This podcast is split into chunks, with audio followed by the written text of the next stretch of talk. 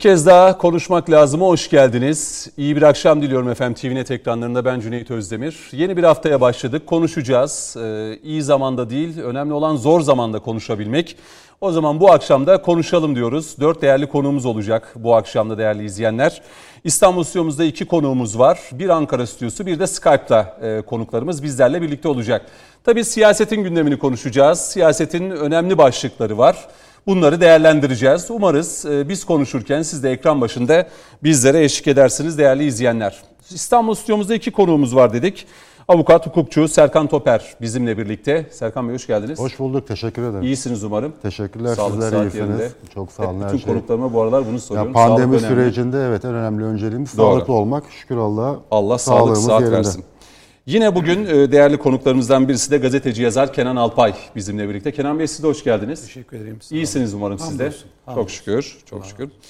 Ee, Ankara stüdyomuzda tabii bir siyasetçi, e, siyaset bilimci, e, siyasetçi derken yani uzun yıllarca e, AK Parti'de görev yapmış bir isim bizimle birlikte olacak. Ali Ercoşkun. Ali Bey siz de hoş geldiniz yayınımıza.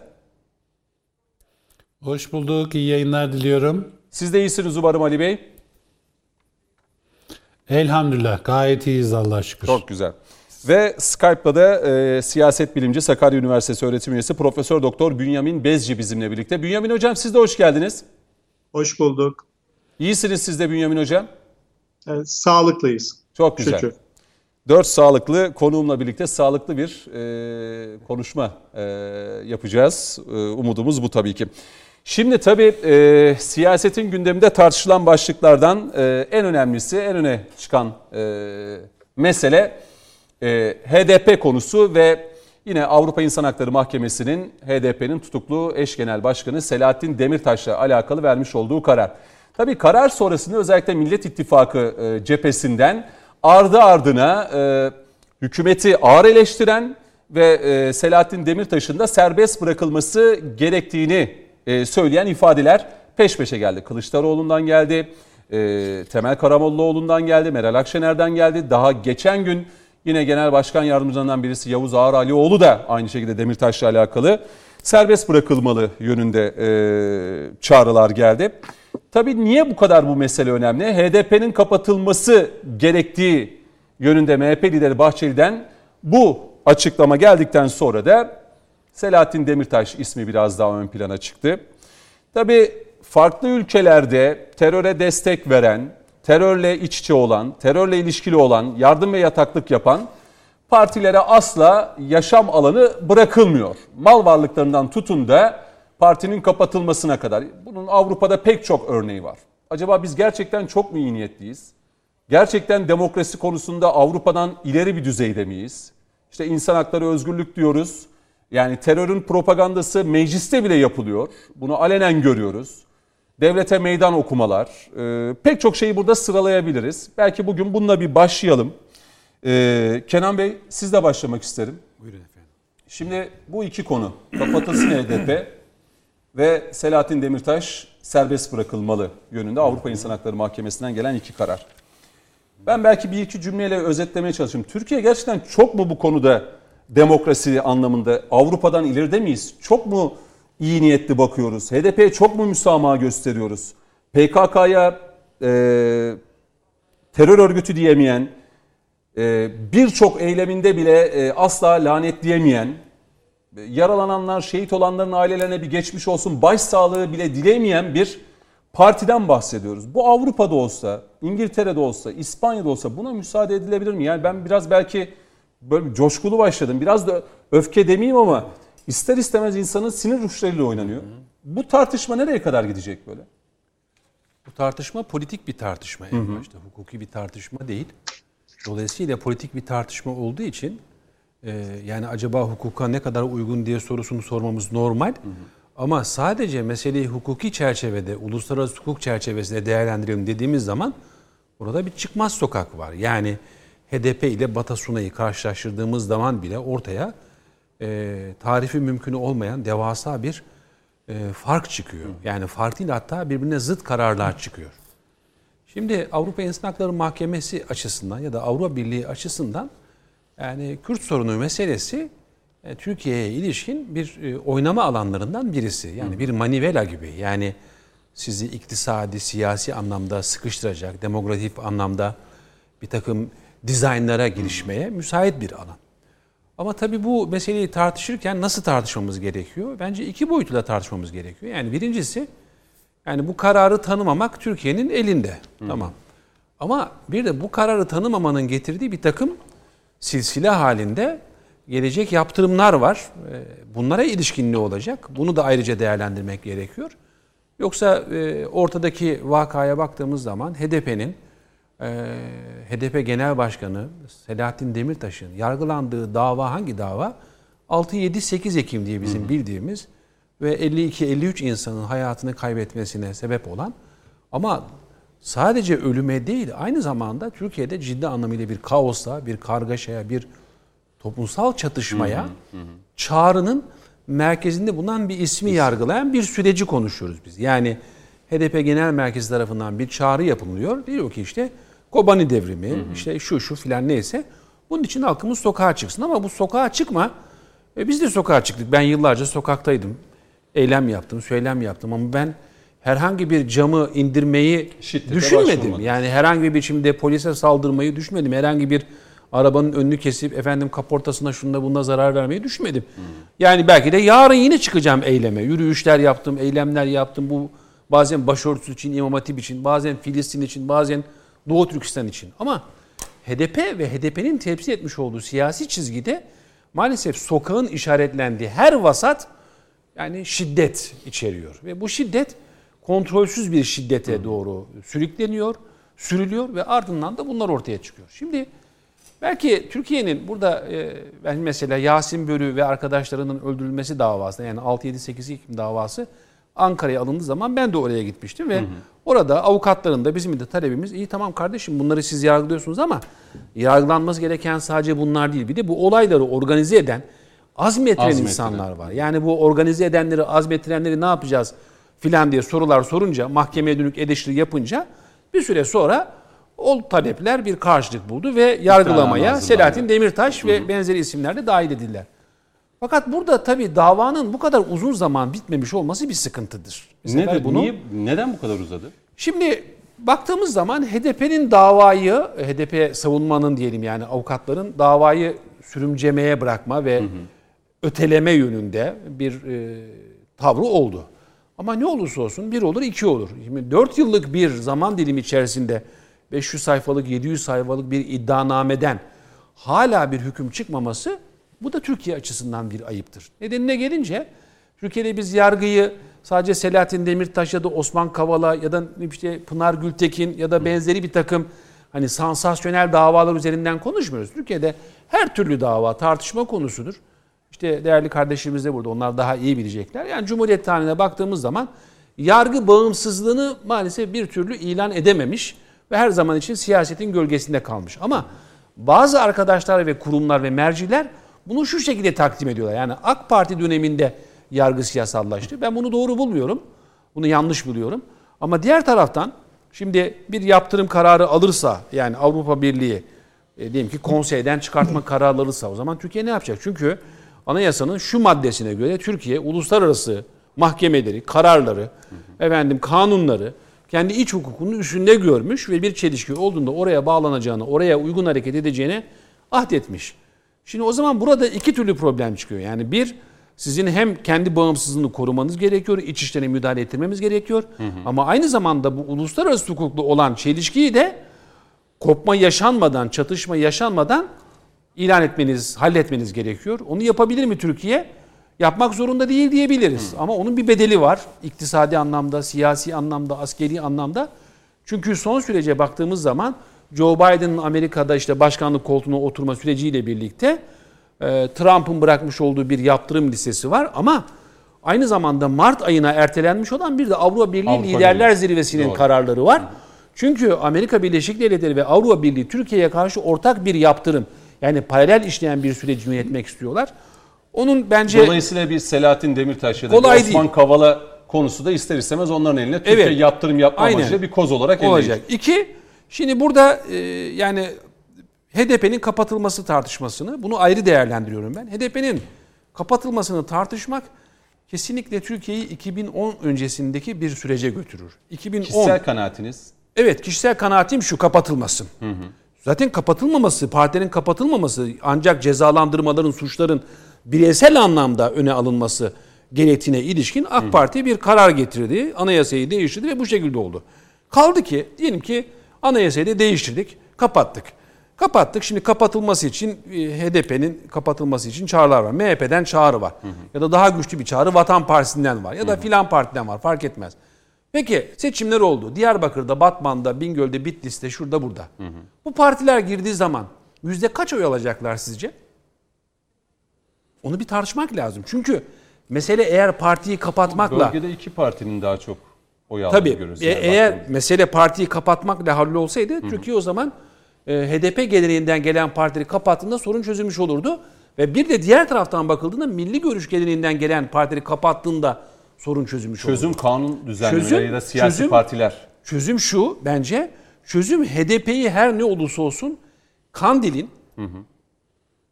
inhisarından kurtaracak bir planı devreye sokmaktır.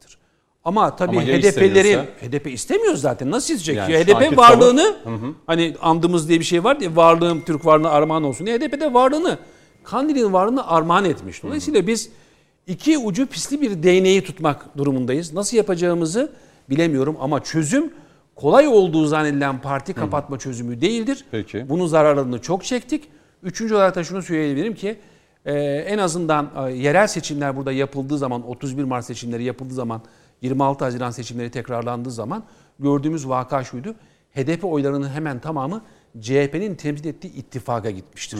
Dolayısıyla MHP'nin bu teklifi bilerek ya da bilmeyerek fark etmeksizin söylüyorum bunu. Sonuç itibariyle CHP'nin temsil ettiği ittifakın HDP oylarıyla Yani Doğu ve Güneydoğu'daki oylar CHP'de. Sadece Peki. Güneydoğu değil. Yani Adana'sı var, Mersin'i var, İzmir'i var, İstanbul'u var. Ankara'sı var, Bursa'sı var, Kocaeli'si var, Sakarya'sı var. Dolayısıyla bu böyle slogan atarak filan çözülebilecek bir sorun değil diye düşünüyorum. Çok zorlu bir sorun ama e, çözüm için uğraşmak gerekir. Şimdi ona ba- alakalı bazı adımlar da hatırlıyorum. İşte kabul edilen yasalar e, söz konusu. Bu terörle ilişiği e, olan terör yardımı yataklık edenlere. derneklerle alakalı. Derneklerle alakalı. Belki önümüzdeki dakikalarda da konuşacağız. Mal varlıklarına el konulacak diye. Serkan Toper'e döneceğim. E, evet Sayın Bahçeli e, HDP kapatılsın talebi e, nin yansımalarının devam ettiğini görüyoruz. Yani konuşuyoruz, tartışıyoruz. Ee, Sayın Alpay kapatılmasın, e, kapatılmamasından yanayım. Çözüm değil. HDP'yi Kandil'in e, İnhisarından evet, kurtarmak oradan gerekir. e, kurtarmamız gerekiyor. o onların vesayetten normal demokratik gerekiyor ama, siyasi parti haline gelmesi için bir uğraş verilmesi gerekiyor. HDP'deyiz de alfabeden hangi harfleri koysak Tabii, yine doğru. HDP'nin geçmişteki durumuna da baktığımızda bu pek mümkün gözükmüyor. Siz nasıl değerlendiriyorsunuz? Yani kandilden kurtaralım demek bir evladı babadan ayırmak gibi. Bunlar bir bütün zaten. Nasıl kurtaracaksınız? Kandil neyse bunlar da aynısı. Dolayısıyla bu e, pratikte önemli olan bir söylem değil. Şimdi HDP sivil siyaset yapan, ülkenin ortak keder, ortak sevinç anlayışına uygun farklı fikirler ortaya koyan, farklı çözüm metotları ortaya koyan, yeri gelir e, genel bilinenin, genel şartlanmışın ötesinde sinir uçlarımıza dokunacak fikirler beyan eden, şiddetle arasına mesafe koymuş bir parti değil. Öncelikle böyle bir hava yaratılmasına ben hukukçu olarak karşıyım. HDP bir terör örgütü. PKK'nın Kandil'den yönetilen bir siyasi uzantısıdır. Yani terörle irtibat ve iltisakı sonuna kadar apaçık ortada. Zaten inkar da etmiyorlar. Yani biz sırtımızı Kandil'e dayadık diyorlar. Yani biz sırtımızı PKK terör örgütüne dayadık diyorlar. 7 Haziran 2015 seçimlerinde batıdan oy alıyorlar. Saz çalarak, taki olarak elde Türk bayrağı alarak. 7 Haziran akşamı çıkıyor Selahattin Demirtaş diyor ki terörist başı Başkan Apo'nun heykelini Diyarbakır'a dikeceğiz diyor. Dolayısıyla bunların terörden arınmış bir şekilde bir sivil inisiyatif, bir sivil siyaset oluşturma gibi dertleri hiçbir zaman olmadı. Tek bir dertleri var. Silahlı metot, silahlı terörle Türkiye'ye bir şeyler dayatma derdi. Bunu da diyor ki onlar dağda diyor bunu yaparken biz de diyor mecliste, kentlerde bunun propagandasını rahatça yapalım. HDP'nin kuruluş amacı bu. Hiçbir hukuk düzeni, hiçbir demokratik toplum yapısı buna müsaade etmez. Türkiye Cumhuriyeti Anayasası 68. madde diyor ki bir parti tüzüğüyle, eylem ve davranışlarıyla demokratik toplumun devletin bütünlüğünün, devletin ülkesiyle bölünmez bütünlüğünün ve de sosyal hukuk devletinin, layık düzenin karşısında bir odak halinde, eylemlerin odağı haline geldiyse 69 da odağı tanımlıyor. Bu parti kapatılır diyor. Anayasa çok açık. Bunların HDP'de olmadığını iddia edebilir miyiz? Edemeyiz. HDP 68'in tarif ettiği bütün yasa dışı eylemlerin odağı haline gelmiş. Odak haline gelmek ne demek? Münferit partinin birkaç üyesinin ağzından bu laflar çıkmamış. Partinin genel başkanları, eş genel başkanları, milletvekilleri, MYK üyeleri, il başkanı, ilçe başkanı, eylem ve fikir birlikteliği var aralarında. Dolayısıyla burada bir münferit açıklamadan da bahsedemeyeceğimize göre Anayasa 68 ve 69'un gereği neyse hukuk sisteminin bunu yapması lazım. Hukuk sistemi bunu dava- yaparken Heh, hukuk sistemi dedim. Bunu- Davanın bu kadar uzun sürmesi eleştiride bir yandan da ya bu o, yönde o de şimdi geliyor. geleceğim. Selahattin Demirtaş konusuna geleceğim. HDP parti kapatmaya geliyor. bağlantılı hepsi. Parti kapatmak çözüm değil mi? Hayır. Parti kapatmak kesinlikle çözüm. Niçin? Türk Ceza Kanunu 81 adam öldürme suçunu düzenlemiş. 82 adam öldürmenin nitelikli halini düzenlemiş. Değil mi? Hukuk sistemi bunu düzenler. Adam öldürme eylemleri sona eriyor mu? Hayır, sona ermiyor. Peki adam e- öldürme eylemleri sona ermedi diye biz TCK 81 ve 82'yi ya bunlar da bir işe yaramıyor deyip Türk Ceza Kanunu'ndan kaldırmayı düşünüyor muyuz? Hayır. Dolayısıyla siz var olan bir şeyi hukuka aykırıysa kapatırsınız. Kapanan şey, yok olan şey tekrar var olma mücadelesi verir. Ama siz buna hukuk sisteminizle terörü meşru gördüğünüzü ilan ederseniz artık ne yapar bu? Der ki Beşikte bebek vurmanın, asker polis vurmanın, öğretmen vurmanın, devletin bütünlüğüne kastetmenin hukuk sisteminde bir cezası yokmuş ki der. Ondan sonra kalkarsınız dersiniz ki belirli kitle gider. Sadece AK Parti, sadece AK Parti tek başına iktidar olamasın. İşte %50'yi tek başına alamasın ilk turda diye gidip bu bebek katillerine, asker polis katillerine, bu eli kanlı teröristlere oy ver, verme hakkını da kendinde görür. Dolayısıyla terörün meşru görünme alanlarının tamamını kapatmak zorundasınız. Neymiş? Sosyolojik bir gerçekmiş. 6 milyon insan ne yapacakmış? Ya 6 milyon insan bunun sen hukuk sistemin yasa dışı olduğunu tespit ettiği dakika itibariyle o 6 milyon insanımız gidecek. ikinci bir partisine bulacak ve demokratik hakkını başka bir partiden yana kullanacak. Nasıl bir partiden yana? Anayasal sınırlar içinde kanuna, düzene bağlı bir partiye oy verecekler. Dolayısıyla siz burada bu terör düzenini meşru göremezsiniz. Hukuk sistemi de bunun meşru görmesine müsaade edemez. Etmemelidir de. Hukuk diyecek ki burada terör faaliyeti var. Ben demokratik bir toplum, demokratik bir devlet olarak buna müsaade etmeyeceğimdir. Bunun bir sosyolojiyle de alakası yok. Hukuk bir karar verirken sosyolojiye bakmaz. Önündeki kanuna bakar. Anayasa 68-69'a bakar.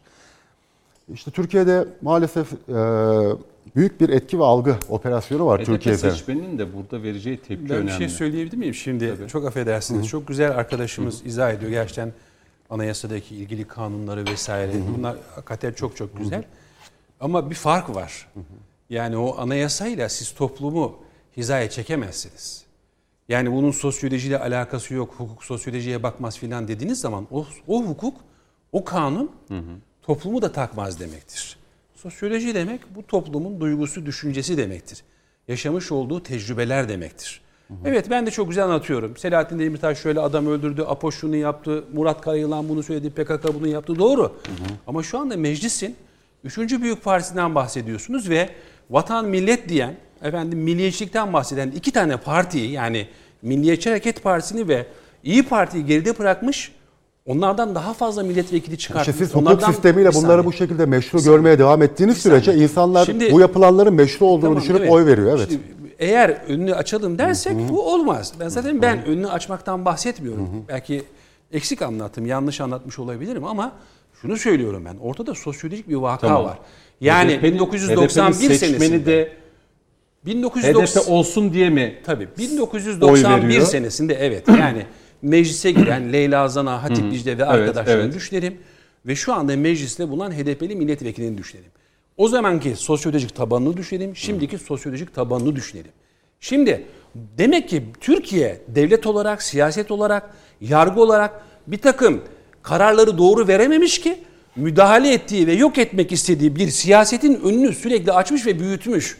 Yani bu tedavi yöntemi doğru olsaydı biz HDP'yi eritmiş olurduk. Üstad bakın bunu söylerken Değerli arkadaşımın Baraj dediği gibi düşse- olsaydı. baraj mücadele, düşse HDP Barajın- mücadele ve müzakere anlayışı içinde Siz büyümesine imkan sağlayacak bütün meşru zemini hazırlamışsınız. Bir açılım garabetiyle hazırlamışsınız. Açılım garabeti bitmiş arkasından CHP'nin CHP'nin HDP ile bütünleşme politikaları başlamış. AK Parti yanlıştan dönmüş bu sefer CHP. Bu terörle irtibat ve iltisaklı kişiler için meşru bir zemin oluşturmaya başlamış. Dolayısıyla siz burada tam manasıyla hukukun dediğini yapmamışsınız ki bu tespiti yapabilirsiniz. Ay, Kenan Hukuk Alpay gereğini yapsaydı bu parti bu şekilde büyüyemezdi. Ben şunu merak Evet. ediyorum. Belki birazdan bir araya gittiğimizde dönüşte diğer iki konuğumu da e, hem Ali Ercoşkun'u hem de Bünyamin Hocam'ın değerlendirmelerini alacağım. Yani HDP'ye oy veren seçmenin e, şeyini anlamamız gerekiyor. Şimdi az önce belirtiyorsunuz terörle iç içe girmişti en alt yöneticisinden en üstüne kadar. E, HDP'ye de ısrarla oy veren bir seçmen kitlesi var. HDP'nin şu anki tavrını bu onuyan ve kutsayan bir yaklaşım mı Hayır bu 6 seçmenin? milyon seçmenin Yoksa bütün baraj açsın da mecliste bulunsun. Ya ağırlıklı seçmen, adına ağırlıklı seçmen zaten sadece e, Sayın Erdoğan karşıtlığı üzerinden oy veriyor. İşte AK Parti tek başına iktidara gelemesin diyor oy verenler var. Ha bu terör örgütünün politikaları benimseyen seçmen de var mıdır içinde? Vardır illa ki. Ama biz kalkıp da burada e, bir irade ortaya koymuş seçmenle ilgili böyle bir e, analiz yapmaktansa siz tek bir şeye bakacaksınız. Bu partinin faaliyetleri Anayasa 68'e uygun mu değil mi? Anayasa 68'e uygun değilse bu terörün meşru görünme alanlarının hepsini hem siyasette hem hukukta ortadan kaldıracaksınız. Ondan sonra bakacağız büyüyor mu büyümüyor mu diye. İşte açılım süreci arkasından CHP'nin sahip çıkması, Millet İttifakı'nın bunu çok önemli bir paydaş sayması. Bunların hepsini yapacağız ondan sonra diyeceğiz ki ama kapatmak işe yaramıyor ki sürekli büyüyor. E kapatmıyorsun. geçtiğimiz hafta bir değerlendirme vardı. Yani baraj indirilse HDP'nin bu kadar oy almayacağı yönünde değerlendirme geldi. Ya Hatta olabilir. Bir araştırma şirketinin başkanıydı. Yani bu HDP'yi söyleyen. özür dilerim Üstad. Şu tamamlayayım Tabii, ama Selahattin Demirtaş'ı da tamamlayayım bu kapsamda. HDP hukuken kapatılmalıdır. Halkın vicdanında, milletin vicdanında da kapatılmalıdır. Siyaseten de kapatılmalıdır. Üç noktada benim vereceğim cevap tereddütsüz şekilde HDP'nin kapatılmasıdır. Selahattin Demirtaş. Selahattin Demirtaş yargılamalar uzaması eleştirilebilir. E, Milliyetçi Hareket Partisi'nin Sayın Genel Başkanı diyor ki işte bu Kavala'dır, Demirtaş'tır, e, terörle irtibat ve iltisaklı kişilerin yargılamalarının bir an önce sonuçlandırılması ve bu istismar alanlarına son verilmesi. Bu önemli bir tespit. Ama şu var, şimdi Selahattin Demirtaş'la ilgili Avrupa İnsan Hakları Mahkemesi bir karar vermiş. Bu karar Türkiye'yi bağlar mı, bağlamaz mı? Bakın, ahim bir karar verirken kendi e, denetlediği sözleşmenin birinci bölüm ikinci kısmı, yani ilk temel hak ve özgürlük yaşam hakkı diyor. Bu Selahattin Demirtaş 6-8 Ekim olaylarında insanları sokağa davet edip silahlı şekilde bir başka insan grubuna saldırtma talimatı verdi mi? 53 insanımızın yaşam hakkına e, sebebiyet veren bu emirlerin azmettiricisi midir? Azmettiricisi. Dolayısıyla Selahattin Demirtaş insanların yaşam hakkına son veren bir eylemin azmettiricisi. Reklama gideceğim de neden bu kadar uzadı dava? Yani Ya buna- davanın bu kadar uzaması uzama sebebi, sebebi de hukukçu anlattı. Bu savunma taktiği değil. Bu örgütsel bir strateji içinde yargılamalar uzatılıyor. Nasıl uzatılıyor? Bir, siz yargılamayı hızlı yaptığınızda diyor ki bizim adil yargılama hakkımızı ihlal ettiniz. Bizim savunma hakkımızı kısıtladınız diye. Örgütün zaten şablon haline gelmiş taktikleri var. Bunlar uygulanıyor. Ve bu Ve o şekilde yüzden dava uzuyor. uzatıldıktan sonra ha, yargıda da aksamalar var mıdır? Vardır illa ki. Şimdi birebir dosyalar içinde olmadığı için bilmiyorum ama bütün örgüt davalarında bu örgüt sistematiğini kullanılarak zaten diyor ki bu kadar suçlamanın içinde tut- tutuksuz yargılanma şansı yok. Ben ne yapayım? Kanundaki üst sınırları zorlayayım. Tutuklu kalma sürelerini uzatmaya çalışayım diye bir gayret içinde oldukları için de bu yargılamalar bu Peki. şekilde uzatılıyor. Bir araya gidelim. İlk aramıza gidelim. Dönüşte Bünyamin Hocam ve Ali Ercoşkun'la devam edeceğiz. Konuşmak lazıma.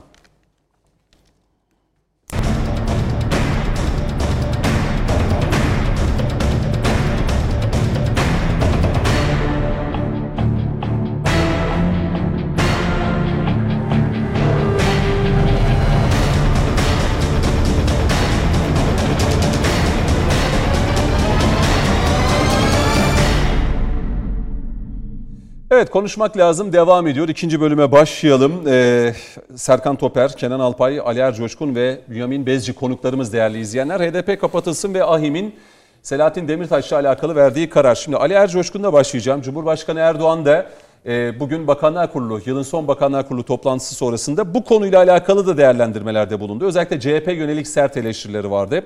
Ee, yine İspanya ve İtalya gibi e, ülkeleri örnek gösterdi. Benzer yargılamalarda e, verdiği kararlara aykırı bir tavır sergilediğini belirledi. Yani bir çifte standart var, bir ikiyüzlülük var. Ardından da CHP'de şunu söyledi. Yani demek ki kendileri bu işlerde yetki sahibi olsalar elinde onlarca insanın kanı bulunan bu terörist destekçisini hemen serbest bırakacaklar dedi. Tabii hukuki bir tartışma olduğunu belirtti Kenan Alpay e, ilk bölümde konuşurken Ali Ercoşkun. Hem HDP'nin kapatılması konusu hem de AHİM'in Demirtaş'la alakalı verdiği karar. Türkiye'de hukuki olarak mı tartışılıyor yoksa siyasi olarak mı tartışılıyor? Yıllardır siz de mecliste e, görev yaptınız. Sözü size vereyim. Buyurun efendim. Evet. Teşekkür ederim öncelikle. Ee, tabii aslına bakarsanız meselenin Cumhuriyet tarihinden bu yana e, devam eden uzun bir süreci söz konusu. E, belki Cumhuriyet'in kurulduğu tarihlerde e,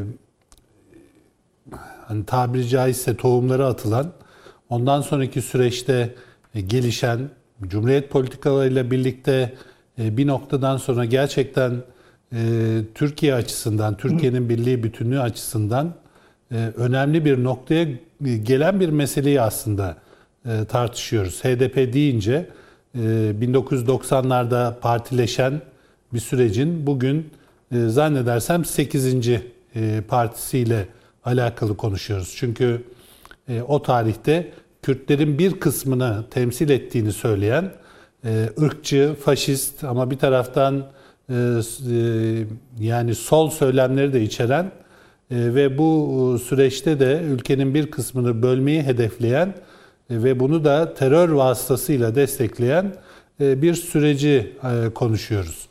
E, Ben geçmişte mensup olduğu iki partisi kapatılan birisiyim. Yani Refah Partisi ve arkasından Fazilet Partisi e, ne mensup olan birisiyim ve partinin kapatılmasının, e, bunun neticelerinin, bunun nelere yol açtığını e, yaşayan birisiyim. Dolayısıyla o süreçte de hep dillendirdiğimiz mesele şuydu. Partiler kapatılmamalı, partiler içerisindeki suçla ilişkili olan kişiler, suç işleyenler, hukuk önünde e, bu suçu sabit olan kişiler cezalandırılmalı.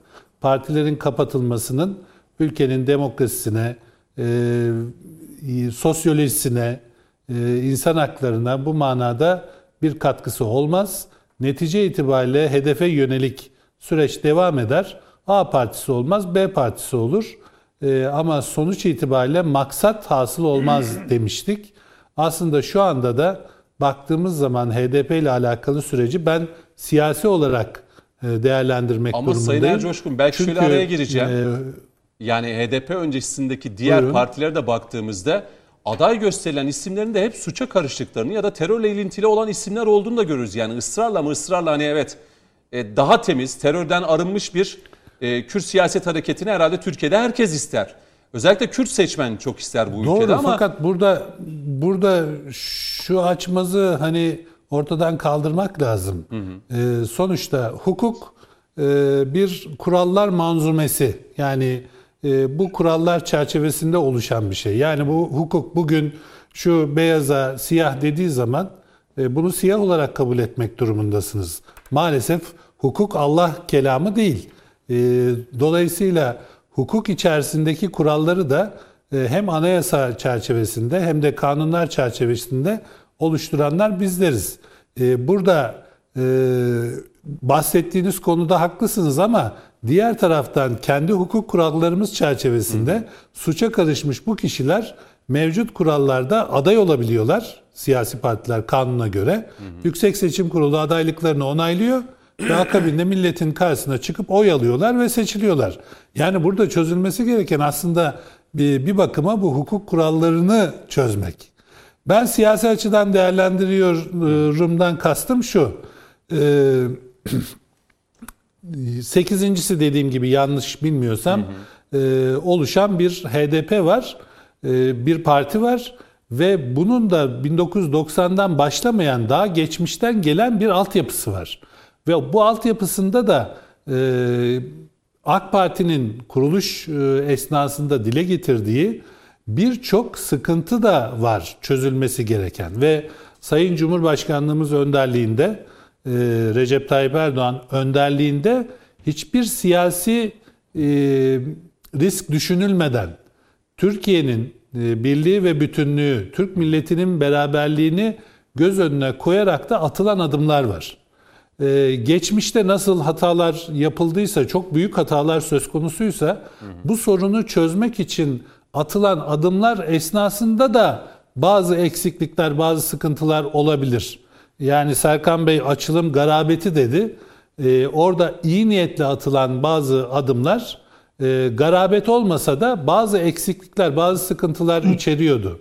Akabinde de e, Hendek savaşlarıyla, yani Hendek e, Hendek problemiyle, Hendek terörüyle neticelen süreçte de bazı sıkıntılar söz konusu oldu. Burada devlet bir taraftan şefkat elini uzatırken diğer taraftan kudret elini eksik etmemeli demiştik biz. Hatta bazı parti içi toplantılarda da bunu dile getirmiştik o esnada ve bazı tartışmalar da hatırlarsanız o süreçte AK Parti içerisinde de olmuştu. Bunları da o, söylemek lazım açıkçası. Çünkü Yani sorun şu, aynı belki e, ya AK Parti istişaresini kendi Evet. içinde yaparken bütün bu sıkıntıları, artıları, eksileri de değerlendirerek bu adımları attı ve o süreçte bazı kararlar verildi. Bu kararları e, hani iyi tarafına sahip çıkıp kötü tarafına sahip çıkmak da doğru bir şey olmaz. Şunu soracağım Sayın Sonuçta bu o Ercoş'tan. eksiklikler söz konusu oldu ve bugünlere kadar gelindi. Şunu Buyurun, soracağım. Cüneyt Bey. Şimdi e, 2021'in Haziran-Temmuz ortalarında İçişleri Bakanı Süleyman Soylu net bir şekilde söyledi. Az sayıda terör risk kaldı dedi. Bunları bitireceğiz dedi. Şimdi anladığımız o dönem AK Parti HDP'yi de bu çözüm süreci e, kapsamında e, Kandil'den, terör örgütünden uzaklaştırmak istedi. Belki bir, bir, bir şey, e, bir çıkış yolu bulunabilirdi ama HDP o vesayetin içerisinden bir türlü kendini kurtaramadı. İçeride tam anlamıyla bitirilen bir PKK terör örgütü. Dışarıda zaten biliyoruz uzantılarını ve bunları destekleyenleri. HDP de bundan kurtulmuş olabilir mi? Yani bu siyaseti yürütenler adına soruyorum bu soruyu. Yani Şimdi içeride HDP tam anlamıyla PKK dönemdeki- bitirilmiş olduğunu düşünelim. PKK diye bir şey yok artık Türkiye'de. Tamam. Ee, şimdi burada e, son dönemki HDP yani kısa dönemi e, kastederek söylüyorum. Yani en son seçimlerde gerçekten oldukça yüksek bir oy alan fakat bu oyu alırken de aslında hani bir insan 200'lü insanları görürsünüz. 300'lü olabilir bazen. Ama HDP tabiri caizse 10 farklı yüzle yani muhafazakar seçmenin olduğu yerlerde muhafazakar isimleri ortaya koyarak e, sol seçmen, A seçmen, B seçmen. Yani her tarafta yalan söyleyerek tabiri caizse insanları bir miktarda kandırarak ama diğer taraftan arka tarafta e, bili- yani asıl amaçları doğrultusunda e, süreci yönetmeye çalışarak ve bu buradaki asıl hedeflerinin önündeki en önemli engelin de e, AK Parti demeyeceğim burada. Çünkü AK Parti'nin e, lideri olan yani Cumhurbaşkanımız e, Recep Tayyip Erdoğan'ın önünü kesmeyle doğru orantılı olarak düşündükleri için Recep Tayyip Erdoğan'ı e, tabiri caizse indirmek için bulunduğu makamlardan almak ve dolayısıyla AK Parti'nin önünü kesmek için ne gerekiyorsa yapan e, çok farklı yüzlere sahipti. Ama bütün bu süreçlerin e, neticesinde e, HDP devletin o biraz önce bahsettiğim kudret elini de ortaya koymasıyla yani kudretini göstermesi hem içeride hem de dışarıda. Yani hem Suriye'de e, Türkiye'nin atmış olduğu her türlü dezavantaja rağmen adımlar hem Kuzey Irak'ta ortaya atılan adımlar e, ve neticeleri. Sonuçta Irak'la bir, bir süreçte çok ciddi sıkıntılar yaşarken şu anda çok önemli işbirliklerini konuşuyoruz. Aynı şey Suriye'de atılan adımlarla bir Kürt devletinin tabiri caizse ikinci bir İsrail'in kurulmasını engelleyen adımları konuşuyoruz. Tüm bunlarla birleştiği zaman artık HDP tabiri caizse çözülen, e, tabanını yitiren e, bir sürece girmiş durumda. Ben niye siyasi değerlendiriyorum dedim. Şu anda eğer HDP ile alakalı bir kapatma süreci söz konusu olursa otomatikman HDP seçmeninin konsolde olacağı, e, bir araya tekrar geleceği, o bütün e, çözülmüşlüklerin toparlanacağı bir süreç söz konusu olur. E, Ki bu süreç hiç tabiri caizse Türkiye'ye de, milletimize de yani Türk siyasi hayatına da Türkiye'nin geleceğine de fayda sağlamaz. Peki. Ben bunu siyasi olarak söyledim. Ha hukuki anlamda anayasada partilerin kapatılmasıyla alakalı maddeler var mıdır? Var evet bu maddeler var. E o zaman e, anayasada bu maddeler varsa o zaman e, bununla alakalı kurumlar, kuruluşlar da kendi görevlerini o ölçüde yapmaları gerekir. Peki. Bu ayrı bir e, konudur. Ama ben siyasi olarak bu şekilde değerlendiriyorum. Peki. Avrupa İnsan Hakları Mahkemesi'nin kararında e, her zamanki iki yüzlü tavırlarını aynen devam ettiriyorlar. Burada çok net bir şey var.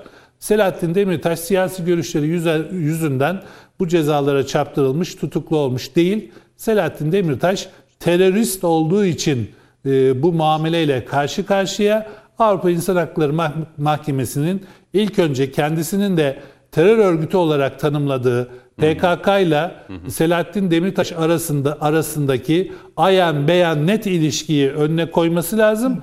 Ondan sonra bu kararları vermesi lazım ki bunu vermeden önce de iç e, hukuki süreçlerin bitip bitmediğini de göz önüne alarak bunu Çok doğru. vermesi lazım. Çok doğru. Her iki taraftan da eksik bir karar olduğunu düşünüyorum. Peki. Şimdi bir akademisyen gözüyle Profesör Doktor Bünyamin Bezci 3 konuğumuzu dinledikten sonra sözü kendisine vermek istiyorum. Ee, Bünyamin Hocam notlarınızı mutlaka aldınız.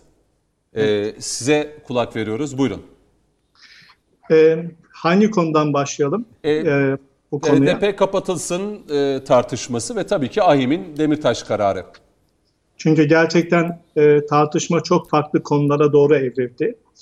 E, mesela e, AHİM'in Demirtaş kararından başlarsak e, aslında e, şimdi AHİM'in Demirtaş kararında sayın konuşmacıların da ifade ettikleri gibi e, hem hukuki taraflarında hem de aslında siyasi taraflarında oldukça sorunlu bölgeler var. Şimdi e, siyasi taraflarındaki sorunlu bölgeleri zaten konuştuk. Hukuki taraflarında da aslında sorunlu bölgeler var.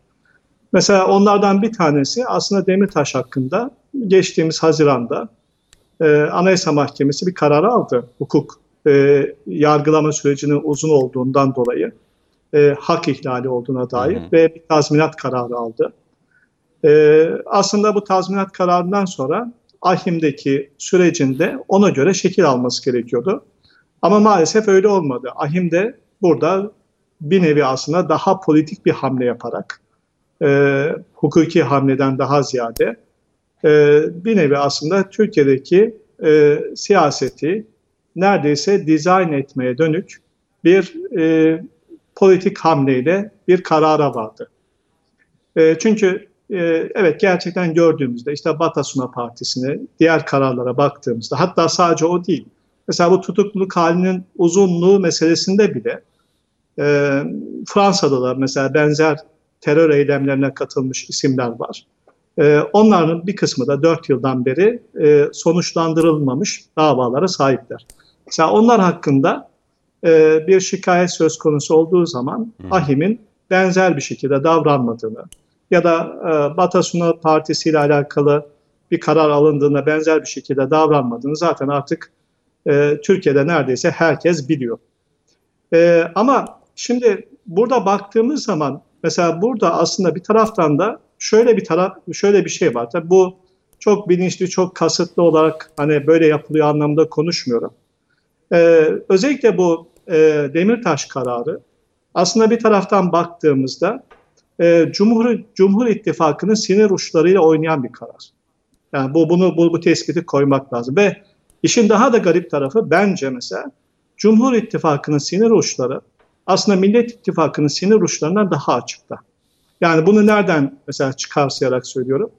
Ee, özellikle 2019'daki seçim sürecinde gördük. HDP ile işbirliği açıktan aslında işbirliği yapıldığı halde mesela İyi Parti'den e, gık çıkmadı ya da baktığımızda Saadet Partisi mesela e, her zamanki konumundan çok farklı bir yerde dura, durabildi bir şekilde.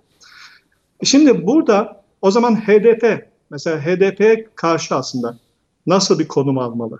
Mesela Cumhur İttifakı aslında bu Demirtaş kararıyla, kararıyla birlikte kendi içinde bir şekilde savunmaya aslında itildi.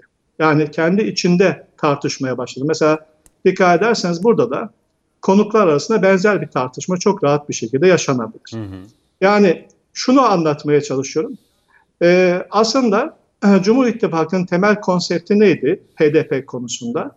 Aslında HDP'yi bir şekilde hani e, genelde e, terörden mesafe mesafe koysun, mesafe koyan bir HDP'yi de e, meşru sayalım politikası var. Bence e, özellikle Millet İttifakı olsun ya da başka ittifaklar olsun ya da başka parti olsun hiç fark etmez. Türkiye'de HDP ile işbirliği yapıldığı müddetçe bu asla gerçekleşmeyecek. Yani böyle bir hani PKK ile ayrışma, PKK'ya mesafe koyma asla gerçekleşmeyecek. Bunun aslında basit bir yolu var. Mesela diyelim ki Almanya'da siyasal partiler, hı hı. E, orada da aşırı sağ, nasyonel sosyalizme yakın bir parti var. Ama daha seçim öncesinde bütün partiler açıklama yapıyor. Diyorlar ki biz Alternatif für Deutschland'la herhangi bir şekilde e, işbirliği yapmayacağız, koalisyona girmeyeceğiz, onunla herhangi bir işimiz olmayacak. Türkiye'de bu, de mi bu olmalı? So, evet yani sol partisi de açıklıyor bunu, e, sağ partisi de açıklıyor. Ama ne zamana kadar?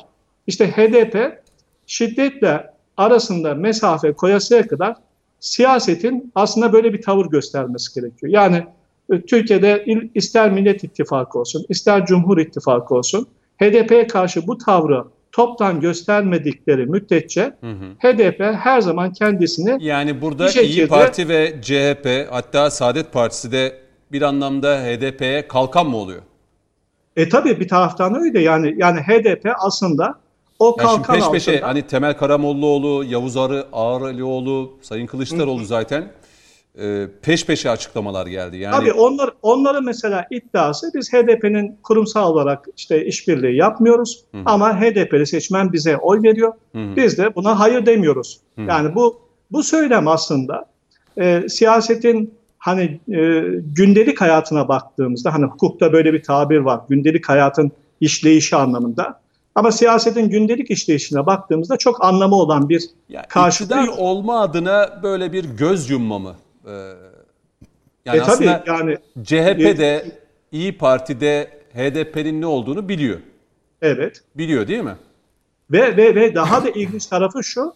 Aslında baktığımızda mesela İyi Parti'nin tavrı hı hı. aslında sinir uçlarının ne kadar güçlü olduğunu gösteriyor. Siyaseten İyi Parti'nin ve milliyetçi bir tabana sahip olmasına rağmen e, HDP ile bir nevi aslında işbirliği yapan genel konseptin içinde olmasına rağmen bir kopmanın olmaması İyi Parti'de yani böyle büyük kopmaların İyi olmaması. Parti'nin de bu taban olarak gerçekten e, çoğunluğun milliyetçi ve ülkücü ya da bu kesimin e, ağırlıklı olduğunu son araştırmalarda bunu göstermiyor. Yani daha çok e, CHP'den biraz da kayan oylar yani o Atatürkçü evet, ulusalcı dediğimiz evet, damarın ama, desteklediği ama bir, taraftan, bir süreç var. Yani bu konuda çok itirazlar geliyor. Yani bir, bir, bir taraftan da şöyle bir seçmeni var. Yani onu da e, göz ardı etmemek lazım.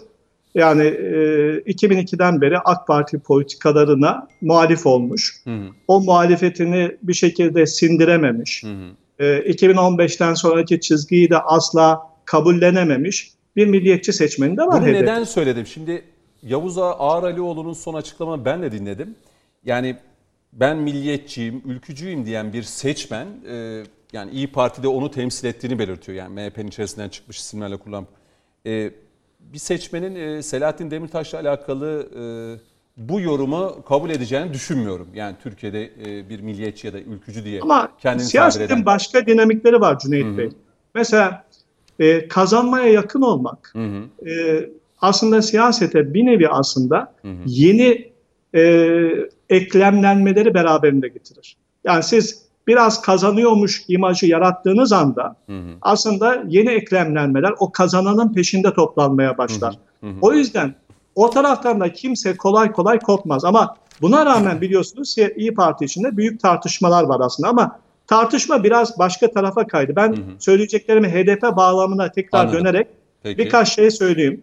Yani HDP'nin aslında e, siyaseten HDP'ye karşı yani hukuken nasıl bir tavır takınacağını hukukçular bilir. Onlar e, işte gerçekten HDP'nin şiddete bulaşıp bulaşmadığını, kapatılacak bir parti olup olmadığını, hani onlar benim bilebileceğim şeyler değil. Hı. O siyasi partiler kanunu çok ayrıntılı düzenlenmiş. Ne önerirsiniz HDP'ye? araya reklama gideceğim Ben- bir iki dakika benim sonra. siyaseten, siyaseten temelde siyaset, e, Türk siyasetine önerim aslında HDP'nin bir nevi aslında şiddete karşı belli bir mesafe koymadığı müddetçe bütün diğer partiler tarafından siyaseten dışlanması. Hocam bu mümkün Siyaseten. değil diyor. Yani üç konuğumuzda hemfikir miyiz? Ya- Bünyamin Bey'le hocamla aynı ifadeyi kullandık. Sürekli bir meşru zemin sağlandı HDP'ye. Bugün de dedim ki Millet İttifakı bu meşru zemini sağlıyor. Ve dolayısıyla burada büyümesinin sebebi işte daha önce kapatılması değil. Bu meşru alanların sürekli açık tutulması. Yani aslında her fırsat Hocam verildi. ifade veriyor. Terörle HDP arasına HDP mesafe koyamamış bir HDP partiye yalnız şu anda büyümüyor, küçülüyor yani. Bunu da görmek lazım.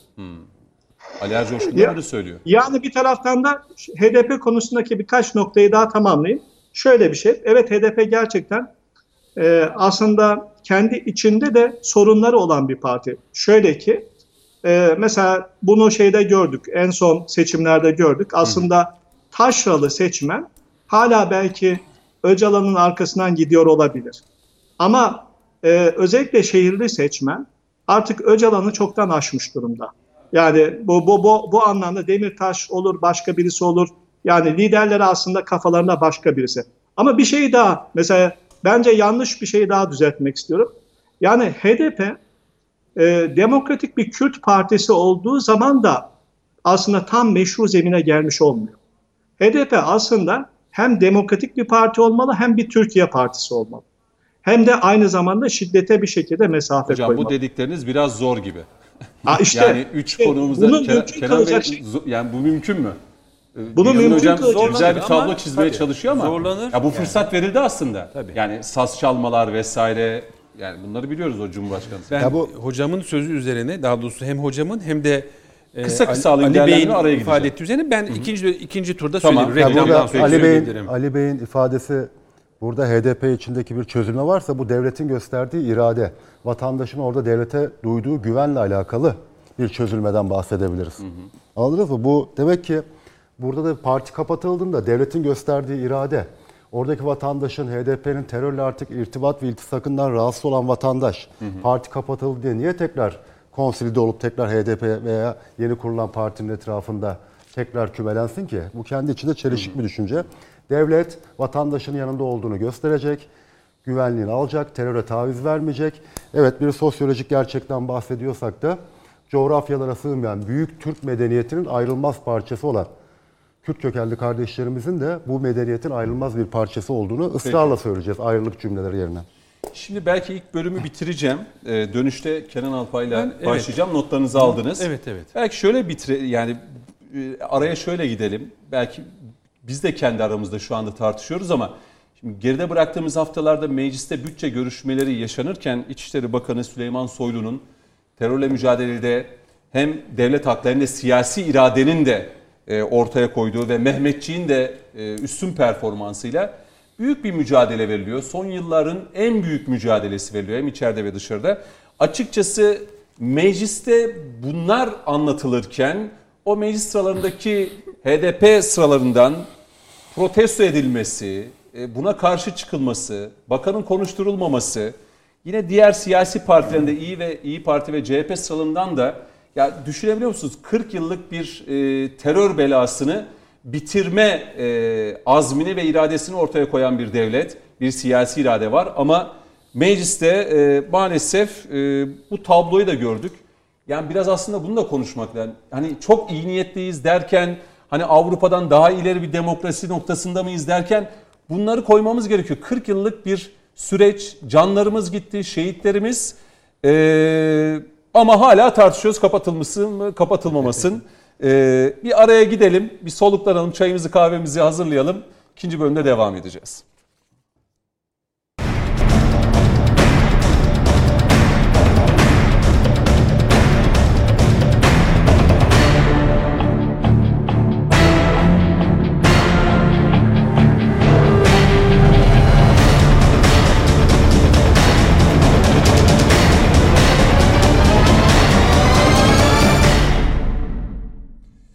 Konuşmak lazım devam ediyor. İkinci bölüme başlıyoruz değerli izleyenler. Şimdi Sayın Cumhurbaşkanı Erdoğan geçtiğimiz haftalarda Türkiye'nin 2021 yılı için e, hukuk alanında, ekonomi alanında reformlar e, bu konularda adımlar atacağını e, belirtmişti. Muhalefet ise son günlerde e, şu eleştirileri yapıyor. Yani işte Selahattin Demirtaş'ın tutuklu kalması, Osman Kavala gibi yani bu iki isim üzerinden de bu şekilde mi işte e, reform adımları atılacak diye. Yani sanki Türkiye'de bu iki isim e, uzun tutukluluk süresi nedeniyle işte davalar uzun sürdüğü için eleştiriler bu yönde geliyor.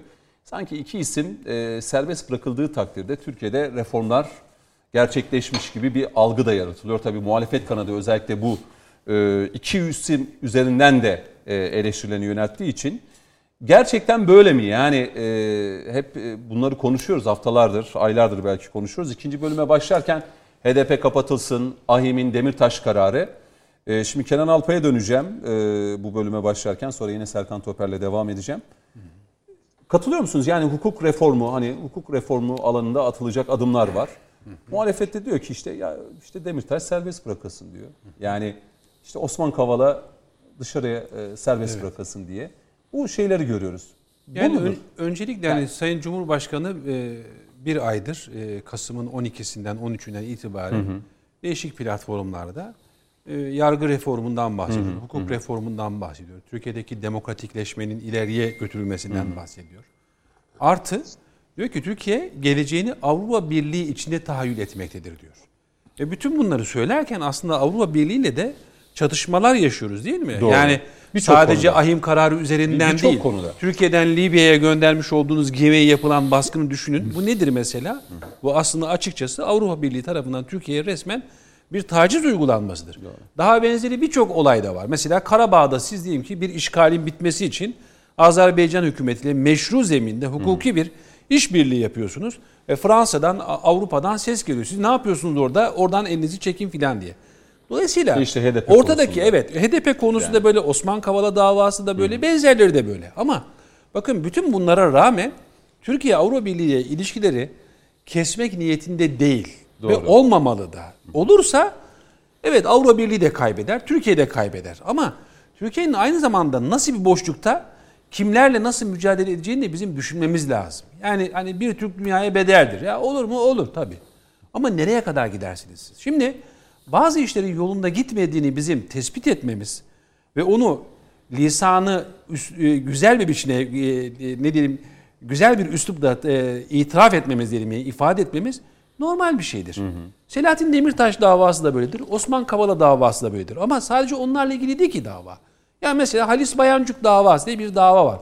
O davada ortaya çıkan şeyler olmayacak işlerdir. Hizbut Tahrir davası olmayacak işlerdir. Yani Anayasa Mahkemesi demiş ki kardeşim bu adamlar herhangi bir şekilde şiddeti teşvik eden bir eylem içinde bulunmamış diyor. Yargıtay diyor ki, yok bizim böyle bir iştihadımız vardı diyor. Biz bunları diyor mahkum edeceğiz diyor. Nasıl mahkum edeceksin? Yapılmamış bir konferanstan dolayı mahkum ediyor. 52 yıl ceza istiyor. Şimdi bunların giderilmesi lazım ve Türkiye bunu gidermek üzere hareket edecek. Şimdi az önce hem Bünyamin Hocam hem e, Ali Ercoşkun Bey e, güzel şeyleri temas ettiler. Tabii değerli arkadaşımız Serkan Bey de. Şimdi burada çelişkilerden bahsedecek olursak çelişki çok. Örneğin Selahattin Demirtaş davasını değerlendiren ilk isimlerden birisi Rıza Türment. Rıza Türmen biliyorsunuz Avrupa İnsan Hakları Mahkemesi'nde Türkiye kontenjanından hakimlerden birisiydi. Ve o görevi bitince CHP'den milletvekili oldu, MYK'da bulundu. Şimdi yine CHP'nin politikası çerçevesinde yazılar yayınlıyor. Ve dedi ki derhal serbest bırakılsın. Ya şimdi Rıza Tümen üzerinden gidecek olsak bile, CHP üzerinden gidecek olsak bile ya siz Refah Partisi'nin, Fazilet Partisi'nin kapatılması noktasında nasıl bir yerdeydiniz? başörtüsünün yasaklanması noktasında nasıl bir yerdeydiniz? Yani onların çelişkisini sayarsak buradan uzaya yol yaparız biz. Ama mesele o değil. Mesele şu. Mesele ne? Evet. Mesele şu. Bizim adı Kürt sorunu ya da başka bir şey sorunu fark etmez. Diyarbakır sorunu, efendim başka bir şey sorunu fark etmez. Bu sorunu oradaki insanların birliğini, bütünlüğünü, refahını, güvenliğini temin ederek çözmek gibi bir görevimiz var. Yoksa o yara açık kaldıkça sorun bitmez. Örneğin şimdi e, değerli arkadaşım dedi ki ya bu dedi açılım garabeti. Ya açılım belki Türkiye'nin son asırda yapmış olduğu en önemli adımlardan bir tanesidir. Ve Cumhurbaşkanı Erdoğan o hareketi, o adımı atarken yani olağanüstü düzeyde bir takım riskleri de göze aldı ve onu tamamlamaya çalıştı. Ama tabii bu sorun üzerinde aktörler çok. Amerika'sı var, Avrupa'sı var, İran istihbaratı var, Suriye istihbaratı var, Rusya var, FETÖ var, PKK var filan. Derken olay hakikaten terörize edildi. Oslo görüşmelerinin sızdırılmasını tutun. işte bakın daha dün yıl dönümüydü. Şırnak'ta, Roboski'de insanların öldürülmesi filan. Dolayısıyla buradan nasıl çıkacağız? Ben şimdi geçen gün Milli Savunma Bakanı Hulusi Akar'ı dinliyorum. Ve Hulusi Akar hem Suriye'deki politikamız üzerine konuşuyor, askeri politikamız üzerine hem Libya üzerine. Ve orada diyor ki açılım süreci dediğimiz mesele diyor önemli bir meseleydi diyor. Ve gerekirse bunu tekrardan biz canlandırmanın yollarını arayacağız diyor. Şimdi ne alaka diyeceksiniz? Evet alaka. Neden? Çünkü bakın Türkiye'nin son dönemde işte Türkiye de- değerli yalnızlık yaşıyor filan diyorlar. Hiçbir şey yok. Daha geçen hafta Irak Başbakanı buradaydı. Ve Türkiye'den düzenli olarak Bağdat'a, Erbil'e heyetler gidip geliyor ve Sincar bölgesinden özellikle Kandil bölgesinden, Mamur bölgesinden PKK'ların çıkarılmasına ilişkin hem Irak bölgesel Kürt yönetimiyle yani Barzani yönetimiyle hem de Merkezi yönetim. Kazımi, Başbakan Kazımi, Irak Başbakanı ile Bağdat yönetimiyle işbirliği yapılıyor. Başka onunla birlikte aynı zamanda bakın Irak'ın kuzeyine dönük özellikle yani yapılan o dört harekat aslında Amerika'nın ve Avrupa'nın İsrail'in istemiş olduğu Erbil'den Doğu Akdeniz'e hat çekerek Türkiye'yi bölgeden tecrit etme harekatını da boşa çıkartmış oldu. Dolayısıyla şu anda Türkiye PKK'nın askeri kapasitesini yurt içinde, Türkiye içinde neredeyse sıfıra indirdi. Yani neredeyse diyorum tamam var bir takım sıkıntılar ama Operasyonel en son bakın etkisiz yapılan bıraktı. operasyonlara bakın. Şimdi dolayısıyla şu anda hedefte Irak'taki PKK karargahlarını bitirmek var. O üssü tamamen bitirmek var. Ardından Suriye'ye ilişkin bir takım şeyler, hazırlıklar devam ediyor. Dolayısıyla Türkiye şu anda bu sorunu askeri anlamda tamamen PKK'nın Kürt sorununun diyelim ki Terörü bitirdiği terörü zaman, bitirme noktasında çok ciddi adımlar atıyor. Dolayısıyla bitirdiği zaman ne olacak işte? bitirdiği zaman işte bakın bu arkadaşlar HDP'nin mesela elinde bu, ne bu kalacak? arkadaşlar ne olacak biliyor musunuz? Gerçekten herhangi bir gündemi olmayan, ne yapacağını bilmeyen bir gündem olacak. Neden? Ya bana iş sorunlu bir şey diyor mu? Enflasyon sorunlu bir şey diyor mu? Yok demiyor. İhracat sorunu, ithalat sorunu, yol sorunu, sağlık sorunu, eğitim sorunu hiçbir konuda bir şey söylemiyor. Sadece Kandil'den ya da benzeri yerlerden gelen talimatlar doğrusunda provokasyon yapıyor. Ama bakın ben Gülten Kışanak Diyarbakır Büyükşehir Belediye Başkanı olduğu dönem tutuklandı ve ben oradaydım. Vallahi ben oradaydım hiç kimse sokağa çıkmadı. Çünkü Gülten Kışan'ın tutuklanmasını Diyarbakır halkı oldukça makul, mantıklı bir adım olarak gördü. Ben Selahattin Demirtaş tutuklandığında Diyarbakır'a gitmiştim. Orada benzer bir manzara vardı. Şimdi bakın her harekatın askeri boyutu olduğu kadar psikolojik ve toplumsal boyutları da vardır. Siz psikolojik ve toplumsal boyutlarını atlar da ya kardeşim benim tankım var, silahım var, askerim var, istihbaratım var giderim ezerim. Böyle olmuyor bu işler. Ezerim dediğinizde o zaman oradaki sorunu siz büyütmüş oluyorsunuz. Dolayısıyla yani ben evet sorunlar var mıydı açılım sürecinde? Vardı. Eksikler var mıydı, kusurlar var mıydı, yanlışlar var mıydı? Evet bunlar vardı ama mesele bundan ibaret değildi. İki, Bakan Akar'ın o cümlesini örnek verirken şunu söylemek istiyorum ben. Askeri anlamda siz bu yapının dayanaklarını ortadan kaldırdığınızda siyasi anlamda çözümü daha rahat yaparsınız. Anladım, anladım. O yüzden yani ben AK Parti'nin, hükümetin, MHP'nin ya da Vatan Partisi'nin peşine takılmasını ben doğru bulmam. MHP'nin temsil ettiği bir oy kitlesi vardır. Vatan Partisi'nin temsil ettiği bir oy kitlesi vardır. Ama AK Parti'nin 18 yıldır iktidar olarak üstlenmiş olduğu bir toplumsal meşruiyet vardır. Ve bunu yani onun bunun bir takım söylemleri üzerinden de kusura bakmayın harcayamaz yani. Böyle bir şey yok. Makul, mantıklı ve uzun vadeli düşünmek durumunda. Türkiye. ama Cumhur Çünkü İttifakı şu an terörle e, mücadele konusunda tam bir Tabii ki eşgüdüm öyledir. ve uyum öyledir. içerisinde. Tabii yani bu- öyledir ama şimdi bakın Numan Bey'in bir açıklaması oldu. Hemen Devlet Bahçeli oradan işte şudur budur falan dedi. AK Parti cevap vermedi. kapatılmayla ona. alakalı. Yani evet cevap vermedi. Ama cevap Olabilir bu vermemesi? Ya bu tartışmalar olur. Yani ittifak içerisinde de olur, bir aile içerisinde de olur. Ama AK Parti'nin rotası ve söylemi kesinlikle Devlet Bahçeli'nin ifade ettiği sertlikte değil. Aciliyet kesbeden bir şey olarak görmüyorlar. İki, şimdi bakın az önce e, İyi Parti'den ve diyelim ki CHP'den gelen bir takım şeylerden bahsettik değil mi? Şimdi milliyetçi söylem üzerine de yatırım yapıyorlar. Şunu mu diyorsunuz yani biraz kalkan olma meselesi Evet. Bünyamin Hoca ile konuşurken. Evet şunu mesela. Yani HDP'yi bilirken Evet. bu durumda olmasına rağmen CHP ne yapıyor mesela? Bir taraftan HDP'yi idare ediyor ama bir taraftan da ne yapıyor? Ee, MHP için sembol yanında. isimlerinden birisi olan Seval Türkeş yani Alparslan Türkeş'in eşini ziyaret ediyor. Kemal Kılıçdaroğlu, Canan Kaftancıoğlu, Ekrem İmamoğlu ve orada bir bir mesaj vermeye çalışıyor. İşte biz şöyleyiz, böyleyiz filan falan diye. Yani dolayısıyla CHP aynı zamanda çift taraflı yatırım yapıyor. Hatta bakın daha ilerisini söyleyeyim. Ee, Şimdi Nihal Atsız diye bir isim var bizim Cumhuriyet tarihinde.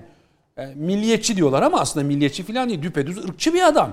Kafatasçı bir adam. Herkesi düşman ilan Kenan etmiş. Bey bugün tam şey varsa efendim Gürcistan- saldırıya geçmek Yok buraya estağfurullah bir saldırı falan değil bir Ya değerlendirme Nereden yapıyorum. çıkardınız atsız atanın ırkçı olduğuyla alakalı? Tamam, Biz neyse. Burada cümlelerimizi nezaketle Tamam, seçiyoruz. ne- ama bir Siz dakika. orada bir garabetle fıra Siyasi- geldiniz. Bizim olduğumuz ortamda Değil, atsız ataya değil, ırkçı değil, diyorsunuz. değil. Yapmayın lütfen. Değil. Burada Nihal Atsız'ın- belirli bir nezaketi koruyarak Nihal, yok tartışmayı yürütelim. estağfurullah. Evet. Nihal Atsız'ın görüşleri MHP'nin peşine ortada. takıldı, o oldu, Değil. bu oldu. Evet. Şöyle Nihal Atsız'ın Cevap görüşü hakkı da doğabilir ortada. Şöyle şunu söyleyeceğim ben. Nihal Atsız netice itibariyle Alparslan Türkeş tarafından da kabul edilmiş ve MHP'nin dışında bırakılmış Türk bir isim. milliyetçi fikriyatı için Tamam. önemli bir isim. Tamam Var olabilir. Olabilir. aslında, evet. Ama o isim için Evet. bakın İstanbul Büyükşehir Belediyesi bakın ne yapıyor? Maltepe'de bir park açıyor. Çocuk parkı açıyor.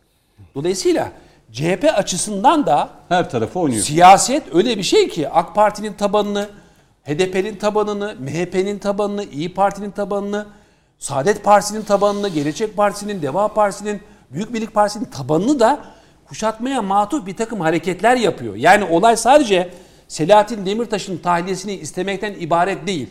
Onun karşılığında eğer AK Parti kendisini dar, marjinal bir alana sıkıştıracak olursa o zaman iktidar sorumluluğu da- Alanını genişletmeye evet, çalışıyor. iktidar sorumluluğunu terk etmiş olur. Bu Peki. sebeple benim kanaatim şudur. Yani AK Parti şu anda bu sorunu çözmek durumunda. Sorunun Avrupa açısından çifte standartlardan öteye son derece politik ama kirli bir politik araç olduğuna da eminim. Selahattin Demirtaş'ın yargılanmasını son derece meşru görüyorum. Mahkum edilme sürecini de en azından gördüğüm kadarıyla, anladığım kadarıyla ben normal görüyorum. Ama Avrupa İnsan Hakları e, Mahkemesi'nin kararlarını tanımıyorum demek Türkiye açısından orta ve uzun vadede ciddi bir takım sıkıntılara da yol açacaktır. Dolayısıyla bunlara ilişkin önlemler alarak bir e, siyasal adım, e, bir siyasal yol haritası çıkartılmak durumundadır. Aksi durum Türkiye'yi zora sokar. Peki. Tekrardan arkadaşım için söyleyeyim ben.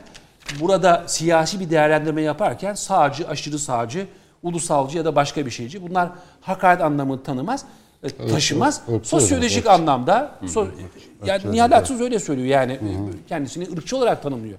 Yani benim yapacak bir şeyim yok. Nihal Atsız kendisini ırkçı diyorsa Türkçedir Nihal Atsız, evet. diyemem yani. Peki. Siz tanımlamaya tepki olarak verilen O zaman cümlelerden bir anlam çıkarmayan Serkan. Toper'e bırakayım. Biz biraz önce HDP konusunu orada Selahattin Demirtaş'la ilgili kısmı yarım kalmıştı. Müsaadeniz Tabii, olursa tabii, orayı buyurun. tamamlayayım. Ya Ahim'in verdiği karar noktasında e, Ahim diyor ki burada işte sen diyor uzun tutukluluk süresine atıf yapıyor. Meclisin yasama yetkisine karşı hukuki öngörülemezlik deyip meclisin yasama yetkisine dair e, gasp niteliğinde tespitler yapıyor. Aslında Ahim kendi verdiği kararla e, Avrupa İnsan Hakları Sözleşmesi'ndeki yaşama hakkını bizzat kendisi ihlal ediyor. Aynı sözleşmenin 17. maddesinde tanınan hiçbir temel hak ve özgürlüğün demokratik toplumu ve bir devleti ortadan kaldırma yönünde kullanılamayacağına dair sözleşmedeki hükmü bizzat kendisi ihlal ediyor. Niçin? İşte e, binlerce vatandaşımızın yaşam hakkına son veren bir terör örgütünün e, siyasi uzantısının genel başkanının yargılamasında siz bu yargılamanın etkinliğini düşürmek noktasında bir tavır aldığınızda aslında o insan hakları sözleşmesini de ne yapıyorsunuz? İhlal ediyorsunuz. Türkiye'de ahimi kararlarını tanımak zorunda mı? Hukuka uygun olan kararlarını tanımak zorunda. Ama sizin kendi hakim savcınız yerine geçerek ilk elden Türk kanunlarını ben yorumlarım, sizden daha iyi yorumlarım dediği noktada artık orada Avrupa İnsan Hakları Mahkemesi'nin kararının Türkiye'de bir hükmünün olması da mümkün değil. O bir ihlal kararı verir. Türkiye'deki yorumlamanın ihlal niteliğinde olduğuna dair tespit yapabilir. Türk hakiminin, Türk savcısının yerine geçip herhangi bir yorumlamada bulunamaz. Birinci konu bu. İki Cumhur İttifakı noktasında e, Ali Bey'in de ifadeleri, şey Müyemil Hoca'nın ifadeleri Hoca şey dedi, sinir uçlarının daha açık olduğunu belirtti Hayır, yani Millet asla. İttifakı'na göre. Cumhur İttifakı sadece bir seçim ittifakı değil. Cumhur İttifakı bir milli ve ahlaki duruş birlikteliğidir aynı zamanda. Ne diyor kısa vadede 2023 hedeflerini anlatıyor. Diyor ki bölgesel bir güç olma, güç olmayı anlatıyor. 2025 hedeflerini ortaya koyuyor. İlahi kelimetullah uğruna diyor. Dünyada tekrar adalet tesis etmek, mazlum coğrafyaların tekrar umudu olmak. Cumhur İttifakı diyor ki Atatürk'ün muasır medeniyetler seviyesini tekrar yakalamak diyor. Bu hedefin üstüne çıkabilmek diyor. Cumhur İttifakı dolayısıyla bir seçim ittifakı olmanın ötesinde bu ruhu ortaya koyarken birileri niçin Cum- 2015 AK Parti'nin 2015 öncesi vizyonunu özlüyor? Bunu anlayamıyoruz. Türkiye'nin tekrar bölgesel güç olmasından mı rahatsızlar? Türkiye'nin 2071 küresel cihan şumulu bir devlet olma hayallerinden mi rahatsızlar? Dolayısıyla bunu eleştiri her yerden görebiliriz ama bu şekilde gördüğümüzde de bir şaşkınlık içine giriyoruz. Atsız Ata diyor ya Söz meclisten dışarı. Bunun için söylemiyorum. Cumhur İttifakı'nın en büyük düşmanları kimler? Atsız Atan'ın şiirinde. Vicdanını Moskova'ya, Paris'e satanlar. Küfür diye bakarlar senin dualarına diyor. Cumhur İttifakı bu milletin duasıdır. Bu milletin 2015'te 7 Haziran seçimlerinde milletimiz açılım garabetine kırmızı kart gösterdi. AK Parti uyarı çekti dedi ki olmaz buna son ver dedi. AK Parti bu milletin mesajını doğru aldı. 2016'dan sonra geçmiş tüm hatalar bir kenara çekildi. Türkiye Devleti'nin, Türk milletinin istikbal ve istiklalinin tehlikede olduğu ortadayken geçmiş tüm kavgalar bir kenara çizilmek suretiyle Cumhur İttifakı sadece bir seçimde iki tane belediye almak, iki tane daha fazla milletvekili almak için bir araya gelmiş irade değildi. Cumhur İttifakı'nda ayrılık var mı? Hayır. Sayın Ömer Çelik, Sayın Devlet Bahçeli'nin laflarını yalanlayan hiçbir cümle sarf etmedi. Sayın Cumhurbaşkanımız, Sayın Devlet Bahçeli'nin cümlelerini yalanlayan, tersleyen hi- hiçbir aykırı görüş ortaya koymadı. Kaldı ki koysa dahi Cumhur İttifakı 2023-2071 hedefleri doğrultusunda Sayın Devlet Bahçeli'nin de ifade ettiği gibi bu olaylardan etkilenmeden yoluna devam edecek. Ki Sayın Bahçeli zaten son Bunu da konuşmasında ifade- ifade yani etti. adayımız da Sayın Erdoğan'dır dedi. Yani bu Cumhur İttifakı bir partinin diğer partinin peşine takıldığı, marjinalleştiği bir oluşum da değildir. Cumhur İttifakı protokolünü açıp okursa, okursa Sayın Kerem Bey de konuklarımızla Cumhur İttifakı'nın ortaya koyduğu vizyon, ortaya koyduğu vizyon AK Parti'nin 2015 e, politikalarının kat kat ve üstünde bir küresel güç olmaktan bahseden bir Türkiye iradesini ortaya Peki koyuyor. Cumhur Evet. İttifakı'nın içerisine başkaları da girebilir mi? Yani bu buna açık mı? Ya Mesela bu- bunu neden sordum? Sayın Bahçeli son e, il başkanlarına seslendiği o toplantıda İyi Parti Genel Başkanı Akşener'e bir kez daha hani bundan kaç ay önce yine bir evine dön çağrısı vardı. E, o zaman da değerlendirdiğimizde yani acaba MHP mi yeniden gel diye sormuştum. Yine size sormuştum Cumhur galiba. İttifakı şudur. Cumhur İttifakı dediğim gibi altını çiziyorum bir seçim ittifakı değil.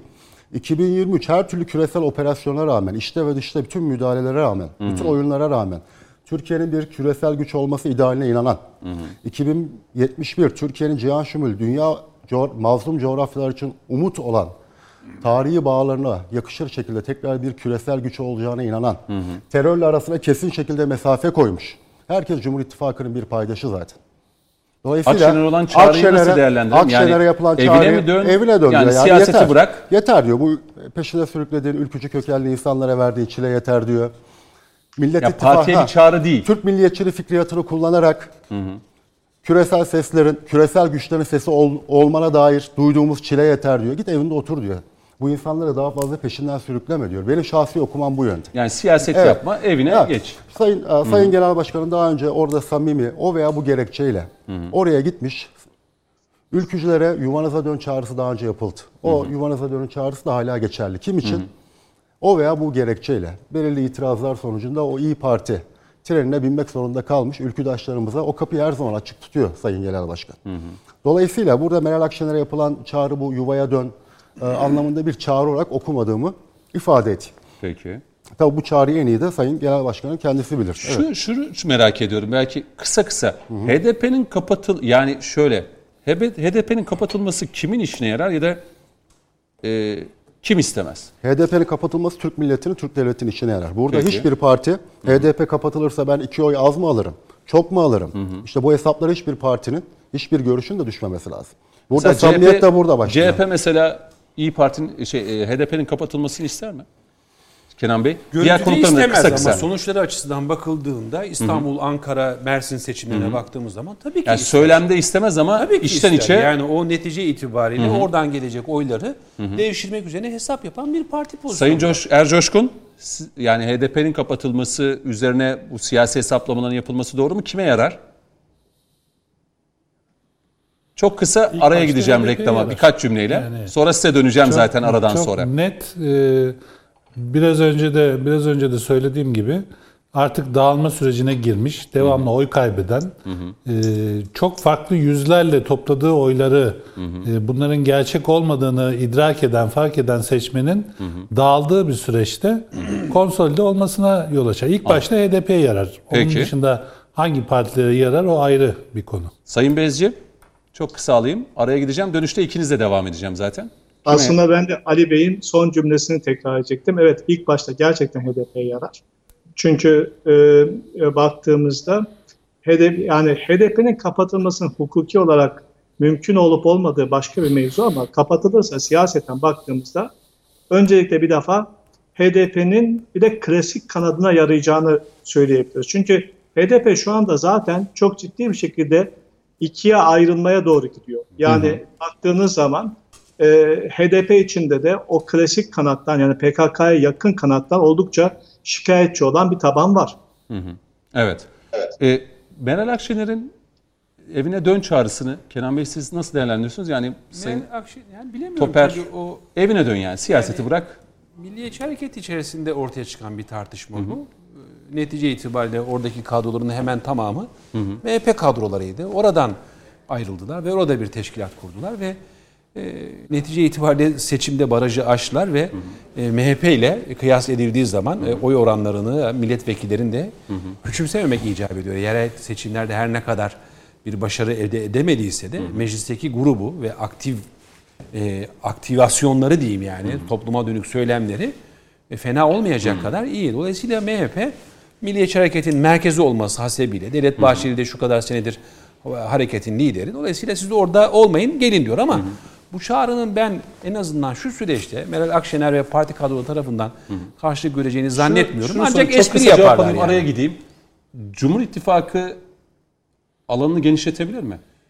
Yani genişletmek ister ama yeni ya şöyle bir şey. Şimdi e, bakın AK Parti'nin içerisinde iki tane parti çıktı. Tamam. Deva ile Ee, gelecek. Deva ve Gelecek Partisi çıktı. CHP'den İki- de çıkıyor şimdi. Evet. Yani Çıkıyor Mustafa ama bakın Sarıgül, Muharrem oradakilerin ne kadar önemi var. Mustafa Sarıgül'ün ne yapabileceğini bilmiyoruz. Muharrem İnce'nin ne yapacağını bilmiyoruz. Ama AK Parti açısından geçtiğimiz yıl çok büyük bir e, sarsıntı yaşandı. İstanbul, Ankara başta olmak üzere 15 tane şehir AK Parti'nin elinden çıktı. Yani bu AK Parti açısından gerçekten alarm zillerin çalması demektir. 8 tane ilinizi CHP, 7 tane ilinizi AK şey MHP'ye kaybettiniz. Bu açıdan bakıldığında AK Parti yani bir durum hesabı yapmak, değerlendirme yapmak e, Yani mecburiyetindedir. sadece AK Parti değil, MHP de yapabilir. Yani Yok, sonuçta. MHP de yapar ama şimdi bakın şöyle bir şey. 25 yıldır e, İstanbul'u kesintisiz bir biçimde elinde tutan bir AK Parti iktidarının Peki. orayı kaybetmesi Araya çok gidelim. sarsıcıdır. Konuşacağız. Konuşmak peki. lazım da konuşacağız. Araya gidelim. Dönüşte Ali Ercoşkun ve e, Bünyamin Bezci hocamla devam edeceğiz.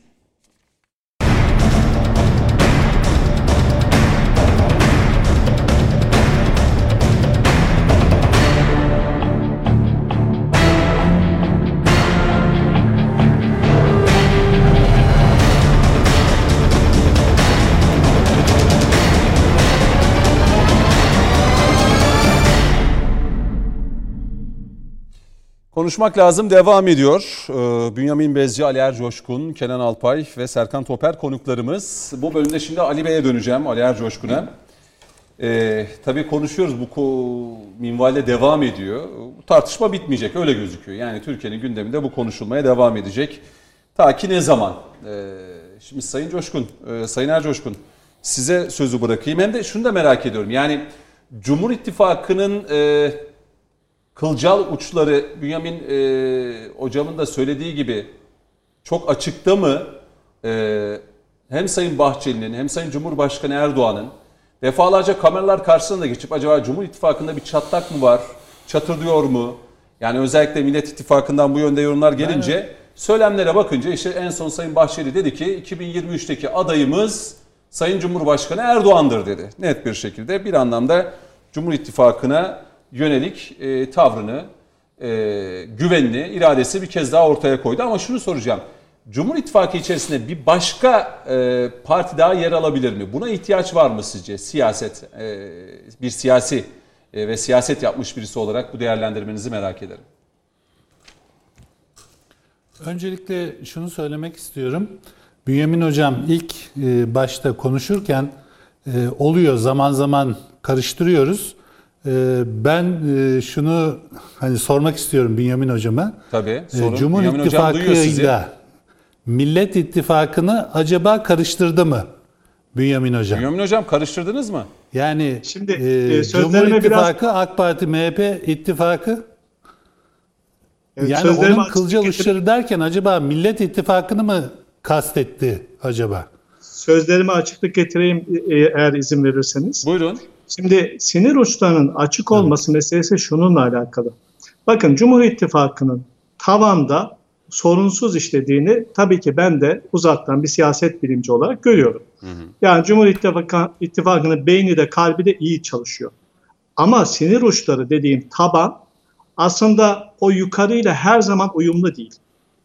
Yani e, bunu nerede gördük? Mesela bunu İstanbul seçimlerinde gördük. İstanbul seçimlerindeki hani bir anlamda biraz böyle e, diyeyim ki son aşamadaki e, Öcalan açıklamaları yani çok rahat bir şekilde söyleyebiliriz ki İstanbul'daki MHP'li seçmeni çok ciddi bir şekilde küstürdü ve geri çekildi.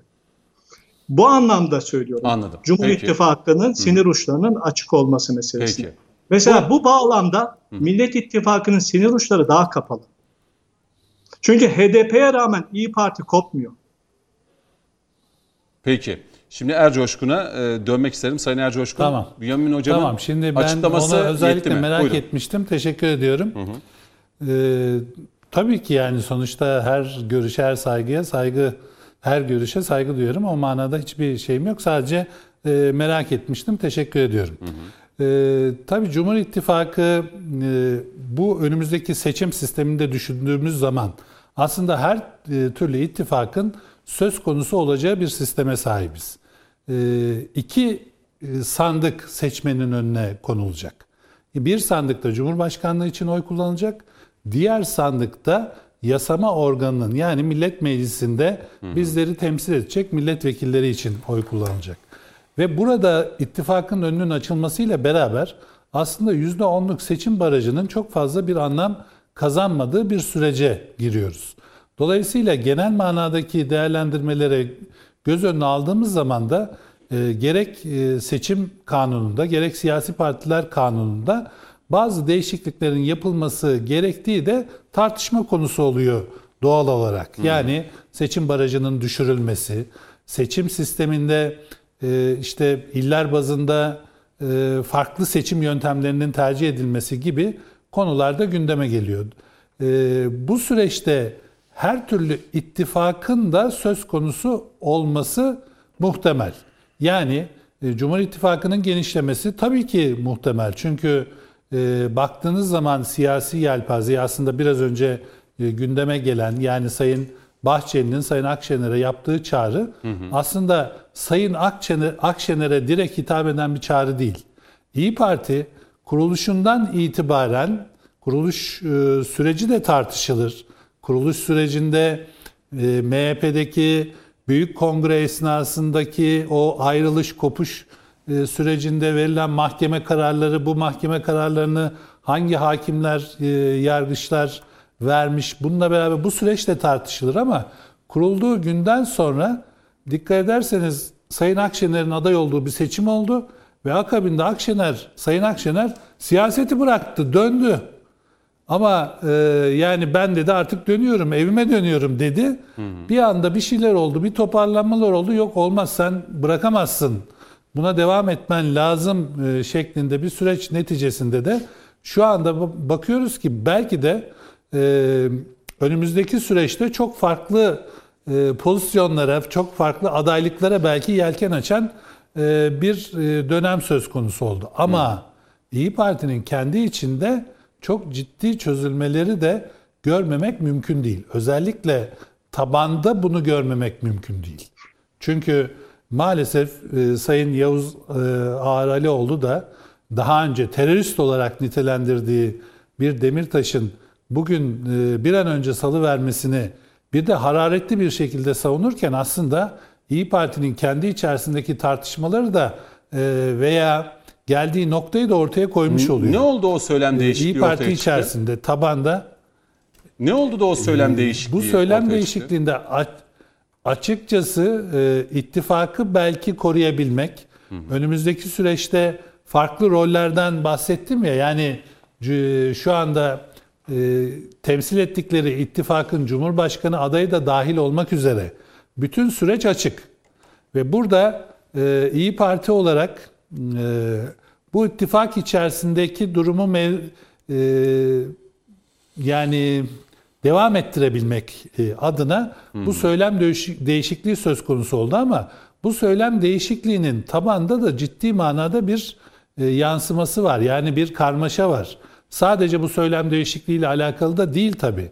E, Bir önceki kongre süreçlerinde yaşanan o liste meseleleri, Sayın Ümit Özdağ'ın açıklamaları, bunların yansımaları, bununla beraber bazı gene milletvekillerinin bazısının siyaseti bırakarak partiden istifa etmesi, bazısının da bu rahatsızlıklar dolayısıyla farklı yollar seçmesi İyi Parti'nin aslında e, doğal bir şekilde önümüzdeki çok kısa zamanda olur, orta vadede olur. Bunu bilmem ama uzun sürmez. Doğal bir şekilde tekrar Milliyetçi Hareket Partisi çatısı altında birleşmesinin yolunu gösteriyor aslında. Dolayısıyla e, İyi Parti hani e, bu süreçte bu e, önümüzdeki seçime kadar acaba ben bunu toparlayabilir, e, koruyabilir miyim e, derdi içerisindeyken e, bu dağılımı görmemek de mümkün değil. E, önümüzdeki süreçte de Cumhur İttifakı açısından e, gerek Saadet Partisi içerisinde oluşabilecek gelişmeler, gerek İyi Parti içerisinde ol- oluşabilecek gelişmeler, gerekse de her ne kadar e, kendi içerisinden çıksa da e, Gelecek Partisi ve Deva Partisi ile bu manada açık olabilecek kapılar e, çok farklı ittifakları gündeme getirebilir. Çünkü seçmenin önüne iki sandık çıkacak ve bu iki sandık birbirinden tabii ki farklı öneme sahip ama Cumhurbaşkanlığı sandığı çok daha farklı bir öneme sahip. Dolayısıyla önümüzdeki süreç e, ittifaklar açısından da ilgi çekici olacak diye düşünüyorum. Ee, CHP'nin izlediği siyasetin e, bazı yansımalarını da görüyoruz. Sayın Alpay da az önce belirtti. Mesela işte rahmetli e, Türkeş'in eşinin ziyaret edilmesi CHP'li isimler tarafından. işte Canan Kaftancıoğlu yine işin içerisinde. Ekrem İmamoğlu aynı şekilde bir örnek daha verdi. E, yani CHP'nin bu izlediği siyaset e, bu o, Millet İttifakı'nı konsolide etmeye yetecek mi? Yani 2023'e kadar uzun bir zaman var. Siyasette hani Sayın e, rahmetli Demirel'in bir cümlesi vardır. Yani 24 saatte siyasette neler neler değişir. Çok uzun bir süredir. Çok daha uzun bir süre var. Yani çok çok uzun bir süre var. CHP'nin CHP'nin izlediği bu e, siyaset açıkçası yeterli olmayacak. Bunda iki önemli faktör var. Bir tanesi e, aynı SHP'nin zamanında ANAP karşısında yerel yönetimlerde almış olduğu başarıdan sonra çok ciddi İSKİ yolsuzluğundan tutun envai çeşit yolsuzluklara kadar şu anda çok kısa süre geçmesine rağmen Cumhuriyet Halk Partisi'nin yerel yönetimlerde ortaya koyduğu performans, e, ortaya koyduğu e, hani temel atmama töreninden başlayan İstanbul Büyükşehir Belediyesi'nde temel atmama töreniyle başlayan hizmetsizlik, vizyonsuzluk. Ama bunu e, bir taraftan bu seçimdeki başarısını e, arka planda, kapı arkasında destekleyen HDP'ye karşı olan e, o diyet borcunun getirmiş olduğu yükle beraber öteki taraftan da yerel yönetimdeki o imkanları hem partidaşlarına hem e, gizli açık ortaklarına paylaştırma telaşı açıkçası birinci aşamada yerel yönetimdeki performans açısından CHP'ye e, çok ciddi Evet. bir e, dezavantaj olarak yansıyor. E, diğer taraftan gizli ortaklıklar dedik. Yani HDP ile kapı arkasında e, ortaya konan bu ortaklıklar artık alenen vatandaşın önüne serilmiş durumda. Bu da Cumhuriyet Halk Partili bazı seçmenler tarafından dahi e, sıkıntılı bir şekilde karşılanıyor. Çünkü e, farklı özellikle Anadolu'da farklı illerde e, bu ortaklıklar yerel siyasetçilerin ağzıyla inkar edilmiş ve inandırıcı da bulunmuştu. Peki. Ama şu anda ayan beyan ortada ki böyle bir ittifak söz konusu ve bu ittifak da tamamen e, Sayın Cumhurbaşkanı'na bir düşmanlıkla e, ortaya Yani konuyor. merkeze bu konulmuş durumda. Şu an onu Recep Tayyip gördüğümüzde- Erdoğan olmasın da e, evet Recep Tayyip Erdoğan olmasın da ne olursa olsun e, söylemiyle bu birliktelikler ortaya konurken e, bu da e, dediğim gibi özellikle Anadolu'da e, çok olumsuz bir şekilde algılanıyor. Çünkü Evet.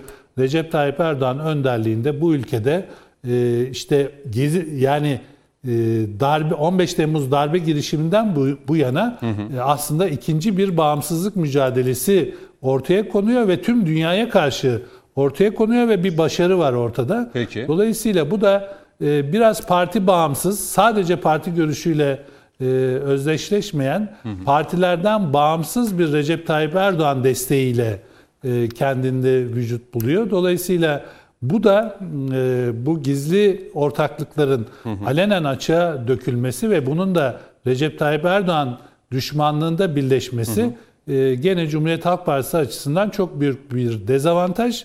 Dolayısıyla ben her iki e, sorunun CHP olumsuz bir şekilde yansıyacağını Peki. görüyorum.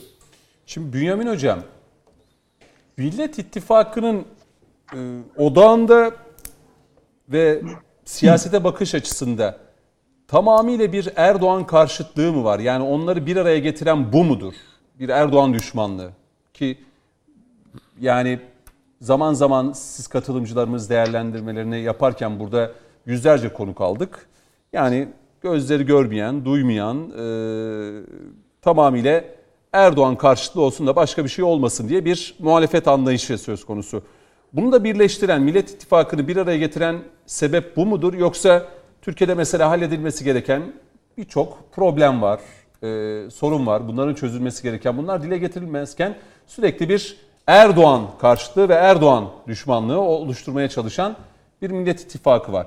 Bu nereye kadar devam ettirilebilir? E, bu konuda katılıyor musunuz Sayın Ercoşkun'un da söylediklerine? Yani ben şöyle düşünüyorum belki bizde görünürde bir şekilde bir Erdoğan karşıtlığı var Millet İttifakı'nda ama onları birleştiren sadece Erdoğan karşıtlığı değil. Ondan daha önemli olan şey küresel siyasetin aslında Erdoğan karşıtlığında buluşması. Yani rüzgar arkalarında. Bu anlamıyla aslında orada duruyorlar hala. Rüzgara karşı siyaset yapmak istemiyorlar aslında baktığımızda. Bir de her şeyin ötesinde yani burada siyaset yapanlar, Millet İttifakı'nda siyaset yapanlar küçük partiler. Yani mesela CHP bile en büyükleri %25'i asla, asla aşamıyor. Şimdi küçük parti, küçük partilerin olduğu yerde daha değerlidir. Büyük partilerin olduğu yerde daha az değerlidir. Çok basit bir mantık yani baktığımızda. O yüzden küçük partilerin yan yana durması aslına bakarsanız her birisini mesela düşünün Saadet Partisi herhalde son yıllarda ittifak siyaseti olasıya kadar son 20 yılda bu kadar değer hiç görmemişti. Yani son 20 yıl içinde Saadet Partisi liderini e, Sivas'taki katliamla suçlayanlar çok rahat bir şekilde Saadet Partisi ile değil mi? Yani işbirliği yapabiliyorlar. Yani bu açıdan baktığımızda aslında e, küçük partilerin bu DEVA'da olabilir, bu işte gelecekte olabilir. Hepsinin aslında küçük parti olması hasebiyle aslında Millet İttifakı'nda buluşmaları sadece hani düşmanlıkla açıklanabilecek bir şey değil. Bir de her şeyin ötesinde bu CHP'nin tavrıyla da alakalı bir şey. CHP, ya CHP siyaseti şöyle bir şeye dönüştü son dönemlerde. Bunu aslında e, seç, bir defa her şeyin ötesinde bu siyaset, bu dediğim şey seçim yak, yak, yakın olduğu zaman geçerli olan bir şeydir. Yani söylediğim şey şu, seçim yakınsa aslında safları sıklaştırmak daha kolaydır. Hmm. Seçim uzaksa işte mesela Millet İttifakı'nın en büyük handikaplarından bir tanesi bu. Yani seçim 2023 hala çok uzak görünüyor. Bu uzak görünmesi aslında Millet İttifakı'nın sinirlerini bozmuş durumda. Aslında bugün e, İyi Parti'de yaşadığımız, bugün CHP içinde yaşadığımız bu ayrılıkçı hareketler aslında bu sinirlerin bozukluğuyla alakalı. Hmm. Yani bugün gündeme gelir. Bakın 2021'de gündeme gelebilir bunlar. 2022'de bir daha gündeme gelmezler. Yani 2021'de baktığımız zaman e, olacak olan olur. Yani bir şekilde ince parti kuracaksa kurar. İşte diğer partiler oluşur ki bu da aslında CHP'nin yani özellikle Kılıçdaroğlu'nun tavrını nasıl göstereceğiyle alakalıdır. Mesela Kılıçdaroğlu dikkat ederseniz İnce'ye hala Millet İttifakı'nda kalacağının garantisini vermedi. Aslında İnce biraz da onu bekliyor. Bu memleket hareketiyle birlikte yani kendisi ifade etti dikkat ederseniz. Yani biz ayrılsak da beraberiz. Değil mi yani baktığımızda? Hı hı. Yani Millet İttifakı içinde kalacağız. Aslında Kılıçdaroğlu İnce'ye böylesine bir e, ruhsat verse İnce çoktan partisini kuracak. Mesela diyelim ki Sarıgül nerede kalacak? Yani Sarıgül'ün e, Millet İttifakı'na Hayır, kabul Muharrem İnce partiyi kursa siz. Millet İttifakı içerisindeki e, yani o oluşumu içerisinde mi yer alır? Yani bir sürpriz olamaz mı? Çünkü söylemlere Kim? falan baktığımızda yani yalanın ve e, ne söylemişti sayın? İnce, İnce için Yalanın mi ve iftiranın merkezi demişti yani CHP genel Yani merkezi İnce için mi konuşuyoruz? Muharrem İnce için konuşuyorsak Heh. niyeti Millet İttifakı içinde kalmak. Çünkü çok akıllıca, rasyonel bir şey. Çünkü aslında CHP'nin o trajedisini oynuyor. CHP'nin temel trajedisidir bu. Yani 70'li yıllara asr-ı saadet görenlerle 30'lu yıllara asr-ı saadet görenler arasında CHP ikiye ayrılmıştır.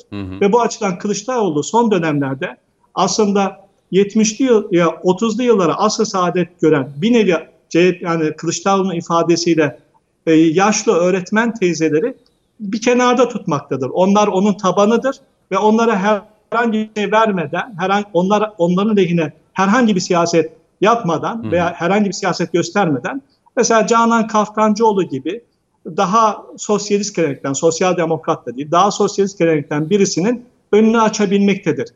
Bu aslında Muharrem İnce'nin yani CHP içindeki tavrı 30'lu yıllara asr-ı saadet görenleri peşine katmaktır ki bu CHP içinde yani e, toplasanız aslında en az %10'dur ama Muharrem, Muharrem İnce eğer Millet İttifakı içinde kalırsa yani bir anlamda bir ihanet, bir hainlik damgasını yemezse aslında peşine takılacak en az %6'dır bence. Bünyamin Hocam şunu soracağım. Şimdi Millet İttifakı Erdoğan karşıtı üzerinde bir araya gel- geliyor ve gelmeye de devam edecekler. Yani buna Gelecek Partisi ve Deva Partisi'ni de ekleyebiliriz. Yani söylemlerinden onu görüyoruz. Her geçen gün Davutoğlu'nun, Babacan'ın merkeze Bakın. Erdoğan'ı alarak eleştirilerini, tonunu yükselttiğini görüyoruz.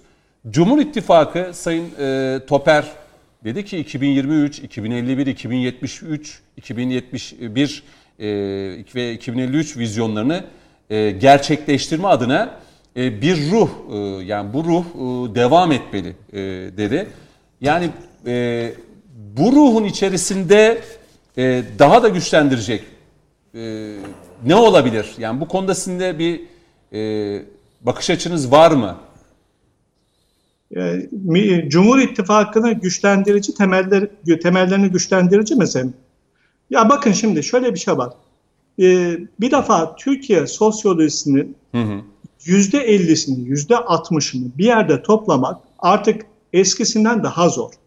Yani diyelim ki 1950'lerde, 1960'larda bile bu mümkündü. Mesela diyelim ki taşra üzerinden siyaset yapardınız. Türkiye'nin önemli bir kesimi de taşralıydı. O taşra üzerinden %60'ı arkanıza tutabilirdiniz belki. Ama bugün için yani siyasetin bu kadar parçalandığı bir dönemde yani sosyo-kültürel, e, sosyo-teolojik hatta baktığınız zaman e, ekonomik açıdan bu kadar parçalandığı bir dönemde yüzde 50'yi bile bulmak oldukça zordur. Onu söylemek lazım. Yani yüzde 50'yi bir yerde tutmak. Mesela AK Parti'nin de kendi içinde açmazları var. Mesela AK Parti diyelim ki işte e, daha modern, daha seküler e, bir söylem e, tutturduğunda çok rahat bir şekilde kendi tabanındaki aslında daha kor muhafazakarları da rahatsız eder.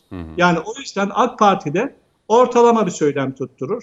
E, bu anlamda ben 2023'e kadar özellikle e, Cumhur İttifakı'nın tavanında herhangi bir kopma, herhangi bir ayrışma, Peki. herhangi bir şekilde söylemlerde bir değişiklik olacağını düşünmüyorum. 2023 seçimlerine kadar. Peki. Oradaki mesele ortalama Türkiye'nin sağ e, siyasetçilerine veya sağ tabanına bunun muhafazakarı var, milliyetçisi var, işte e, seküleri var, her türlüsü var aslında. Bütün hepsine hitap eden bir e, bir, bir bir şekilde bir söylem olacak.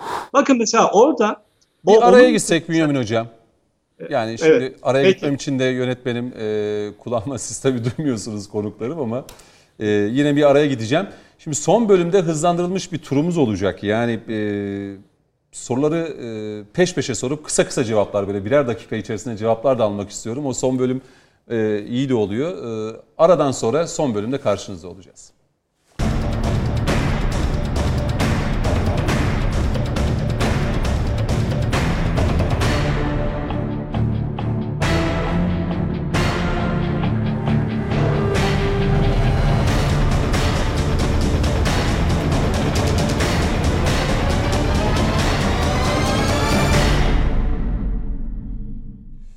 Evet konuşmak lazımın son bölümündeyiz. Son e, 20 dakikamız e, hatta daha az da bir zamanımız var. E, Hızlı hızlı soruları yönelterek aslında konuklarımızla e, bir anlamda bu e, bölümü de noktalamış olacağız. Belki geriye dönük ekleyeceğiniz var mı birkaç cümle Kenan Alpay ya da Serkan Toper? Yani Birer cümle alayım belki. Ya bu Hani tüm tartışmalarımız üzerine. İttifaklar üzerine ya sadece Sayın Erdoğan karşıtlığı üzerinden Millet İttifakı'nın şekillendiğini söylemektense milli yerli bir milli ve yerli bir duruş olan Cumhur İttifakı ile küresel e, hedeflerin Türkiye'deki sesi olan Millet İttifakı arasındaki fark diye bakıyorum. Sayın Erdoğan karşıtlığı Millet İttifakı'nın sahada karşılık bulmak için kullandığı argümanlardan biri sadece. Ve Cumhur İttifakı e, Atatürk'ün muhasır medeniyetler seviyesi hedefini e, protokolüne koyarken ne yapıyor? Millet İttifakı Atatürk milliyetçiliği kelimesi anayasanın ilk dört maddesinden çıkarmayı hedefliyor. Bakın çünkü Millet İttifakı'nın da bir protokolü var. İnkar ettiler. Hayır yapmadık. Asla bir araya gelmedik dediler ama İbrahim Kabolu CHP İlk üç milletvekili maddenin de evet, tartışılabileceğini vesaire. vesaire ortaya koydular. Cumhur İttifakı e, Kızıl Elma hedefinden bahsederken Millet İttifakı anayasanın 66. maddesini değiştirip Türklük kavramını anayasadan çıkarmayı denedi.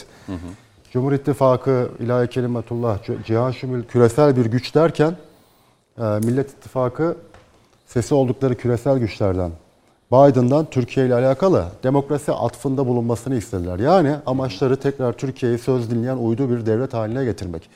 Bu olayları belki çok keskin görebilecek birileri.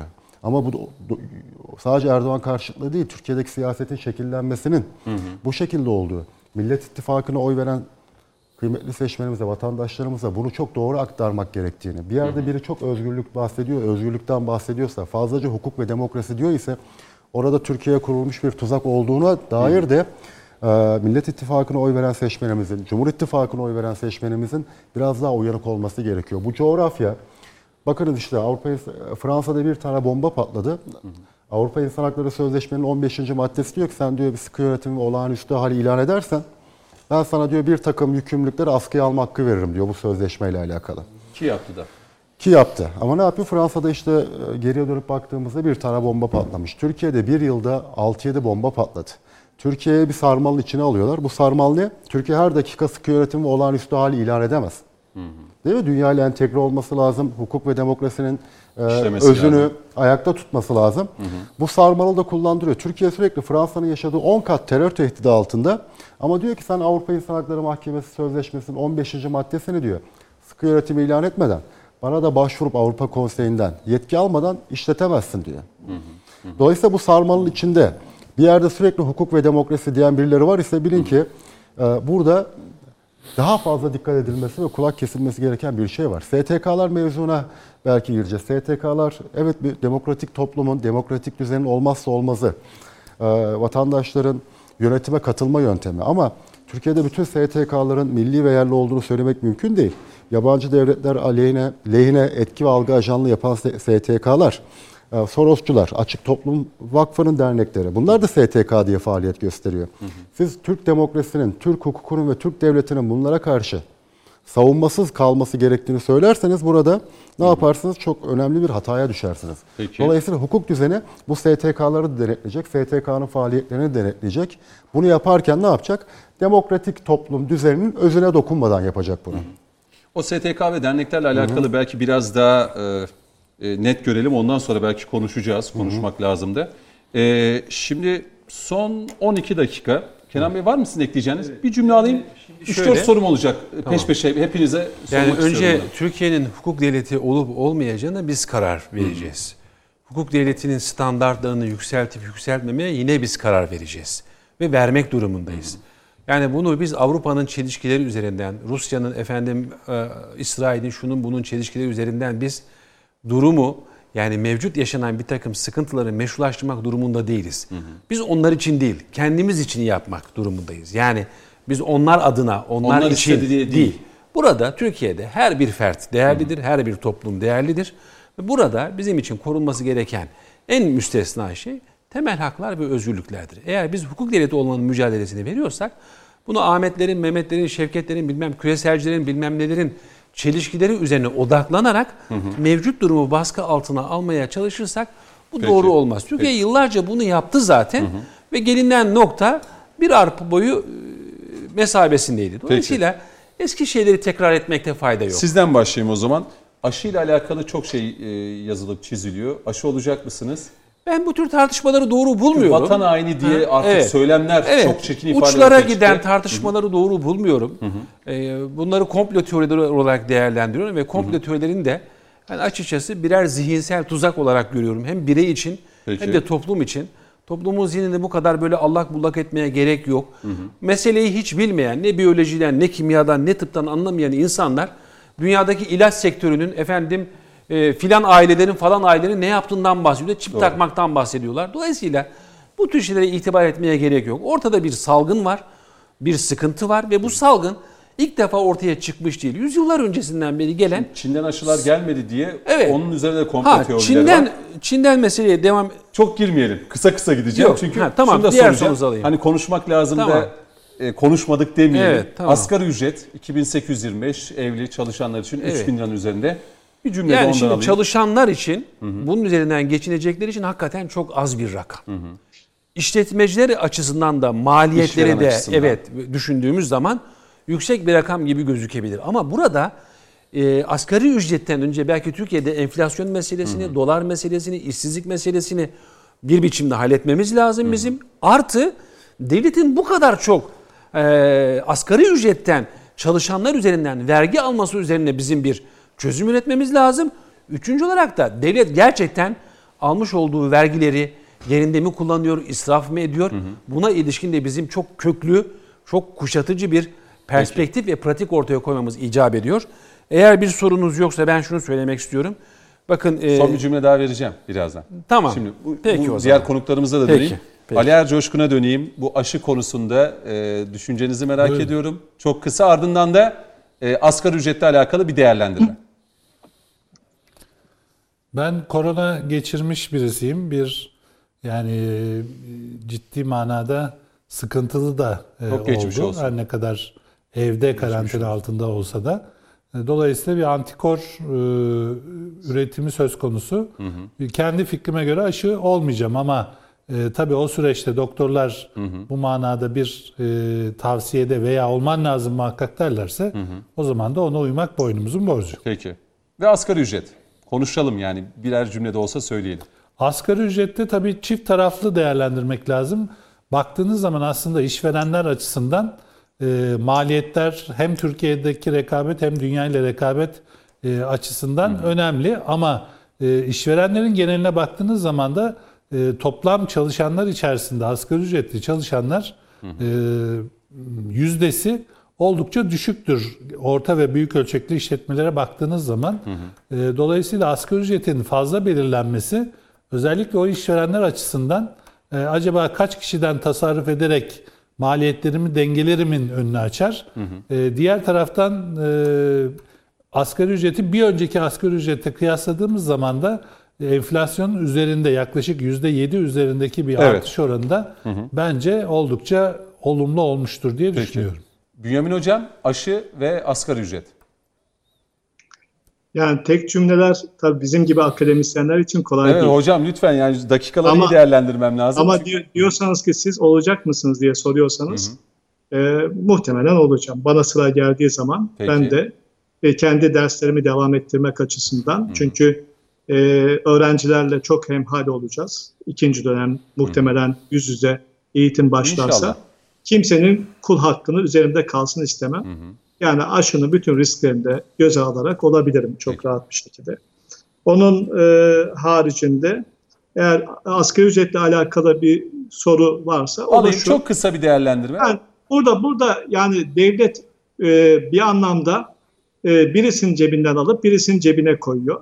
Aslında çok acayip bir trajedi içinde. Yani iki tarafı da memnun etmesi çok mümkün değil. Yani o yüzden hani oradaki asgari ücret tartışmasını belediyelerdeki işte minimum ücret tartışmasıyla hiç karıştırmamak lazım. Çünkü belediyeler kendi cebinden ödemiyorlar. Peki. Onlar da aslında devletin kasasından ödüyorlar. Devletin kasasına her zaman ödemek daha kolay. Serkan Toper. Ya aşıyla alakalı ben sıram gelince aşı olmayı düşünüyorum. Asgari ücret konusunda da bu miktar orta ve büyük ölçekli işletmeler ve işverenler için düşük. Ama esnaf düzeyinde küçük işverenler için de çok yüksek, bir miktar. Dolayısıyla e, tabii bu asgari ücret de, ücret de genelde esnaf düzeyinde küçük işletmeler için, işletmelerin çalıştırdığı işçi grubu için düşündüğümüzde burada işverenle bu işçi arasında bir denge kurulmaya çalışılmış. %21'lik bir artıştan bahsediyoruz. Şu an işçi mutsuzdur ya. Keşke 3100 olsaydı, 3200 olsaydı. İşveren de diyordur ki bu maliyet artışları bu pandemi sürecinde ben nasıl karşılayacağım Fiyatlara diye. yansıyacak zam Evet, olarak aynen. belki ister istemez. Ya burada tabii Hayırlısı olsun demek istihdamla, istihdamla emek arasında bir denge kurulmaya çalışılmış. Şöyle bitirelim. Şimdi biz de yılın son programını yapıyoruz. Belki 2020'yi nasıl hatırlayacağız? 2021'den beklentimiz ne? Kerem Bey nasıl hatırlayacaksınız 2020'yi? Yani aklınızda ne kalacak? Evet, 2021'den ne istiyorsunuz? Evet yani bir sefer salgın meselesi önemli ve salgın üzerinden ortaya çıkan durum yani yalnızlaşma artık yani birey bile olamadığımız bir manzara var maalesef. Birincisi bu. İkincisi de bütün o küresel efendim e, refah söylemlerine, güvenlik söylemlerine rağmen dünyanın dört bir tarafında gözyaşı akıyor ve Batı maalesef bütün bunların hepsini kışkırtıyor, silahlandırıyor ve bunların hepsinin arkasında duruyor. Üçüncü olarak da en son e, meclise gelen bir anlaşma var. Doğu Türkistan'la Türkiye arasında pardon Çin hükümetiyle Türkiye hükümeti arasında suçluların iadesi adı altında yapılan bir anlaşma var ve maalesef bu anlaşmanın doğrudan muhatabı Doğu Türkistan'daki zulümlerden, toplama kamplarından, işkencelerden buraya kaçan Doğu Türkistanlı kardeşlerimizdir ve bu anlaşmayı ben hakikaten anlamakta sosyal medyada anlamakta evet en çok e, konulan- zorlanıyorum diyemeyeceğim anlayamıyorum. başlarından Yani biz Çin'e neden buraya işkenceden kaçmış insanları iade edelim? Bizim yapmamız gereken şey Çin'e Doğu Türkistan üzerinde ortaya koymuş olduğu bu baskıları, zulümleri, toplama kamplarını efendim her türlü zulmü, işkenceyi bitirmesidir. Türkiye'nin ona söylemesi gereken budur. Türkiye bunu söylemediği zaman, söyleyemediği zaman o zaman küresel bir güç olma iddiası da ortadan kalkacaktır. Bambaşka bir tartışma Yani biz nasıl Amerika ile tartışıyorsak, Avrupa Birliği ile tartışıyorsak aynı şekilde Çin'le de tartışmak durumundayız. Biz Amerika'da öldürülen George Floyd'un e, e, hesabını soruyorsak, Filistin'de öldürülen bir kardeşimizin hesabını soruyorsak, Suriye'de Doğu öldürülen bir e, evet mazlumun hesabını soruyorsak, Aylan bebeğin hakkını soruyorsak o zaman Doğu Türkistan'da öldürülen, katledilen, işkenceye, jenoside tabi tutulan kardeşlerimizin de hesabını Çin hükümetine sormak durumundayız. Sormadığımız zaman o zaman Türkiye demektir ki haklarından, bir takım iddialarından vazgeçen bir devlet pozisyonuna gelmiş olur. İki dakikam var. Ali Ercoşkun, e, beklentiniz iyi bir dilekle bitirelim. E, Bünyamin Hocam sizden de alacağım. Evet. 2020 deyince tabii öncelikle pandemi ve pandeminin hem topluma, e, toplumsal hayata hem de kişisel hayata etkilerini görüyoruz. Ama Türkiye açısından değerlendirdiğimiz zaman özellikle sağlık sistemindeki o müthiş yapılanmanın neticelerini, tüm dünyadaki o koca koca devletlerin pandemi karşısında nasıl çaresiz kaldıklarını izlerken Türkiye olarak e, çok ciddi bir mücadeleyle beraber önemli bir başarıyı e, ortaya koyuyoruz. Hem e, bir taraftan da bunu fırsata çevirmek anlamında yani ekonomik anlamda atılan özellikle üretim alanında atılan adımlarla beraber pandemi sonraki süreçte de pandemiden sonra yaşanacak süreçte de önemli bir e, atılımın aslında e, temelini atmış oluyoruz. Dolayısıyla 2021'den benim beklentim e, son dönemdeki ekonomi yönetimindeki değişimle beraber e, burada e, ön aldığımız yani e, ciddi bir hazırlık süreci ve atılım sürecinden sonra 2021'de önemli bir ekonomik başarının da beraberinde geleceğini Peki. ve toplumun da şu anda pandemiyle mücadeleyle beraber en önemli beklentisinin de ekonomik alandaki başarılar olduğunu e, düşünürsek 2021'in ekonomik başarılar yılı olmasını temenni ediyorum. Peki. Süre bitti dendi. Şimdi hem Bünyamin Bezci hem de Serkan Toper'e ben iyi niyetlerinizi aldım olarak kabul ediyorum. Belki başka konuşmak lazım da ee, yine konuşacağız, yine değerlendireceğiz ama ben dört değerli konuğuma da teşekkür etmek istiyorum. Serkan Toper çok teşekkür ederim. Ben teşekkür Kenan Alpay çok Evet, teşekkür davet ediyorum. ederim. Ee, Bünyamin Bezci hocam çok teşekkür ederim yayınımıza katıldınız. Ve Ali Ercoşkun Ankara stüdyomuzda bizimle birlikteydiniz. Hepinize e, yeni yılda sağlık diliyorum. Öncelikle sağ, teşekkür sağlık ve sıhhat diliyorum. Katıldığınız için de bir kez daha teşekkür ediyorum. Ee, önümüzdeki hafta 2021 yılının ilk konuşmak lazımda tekrar birlikte olmak ümidiyle efendim. Hoşçakalın.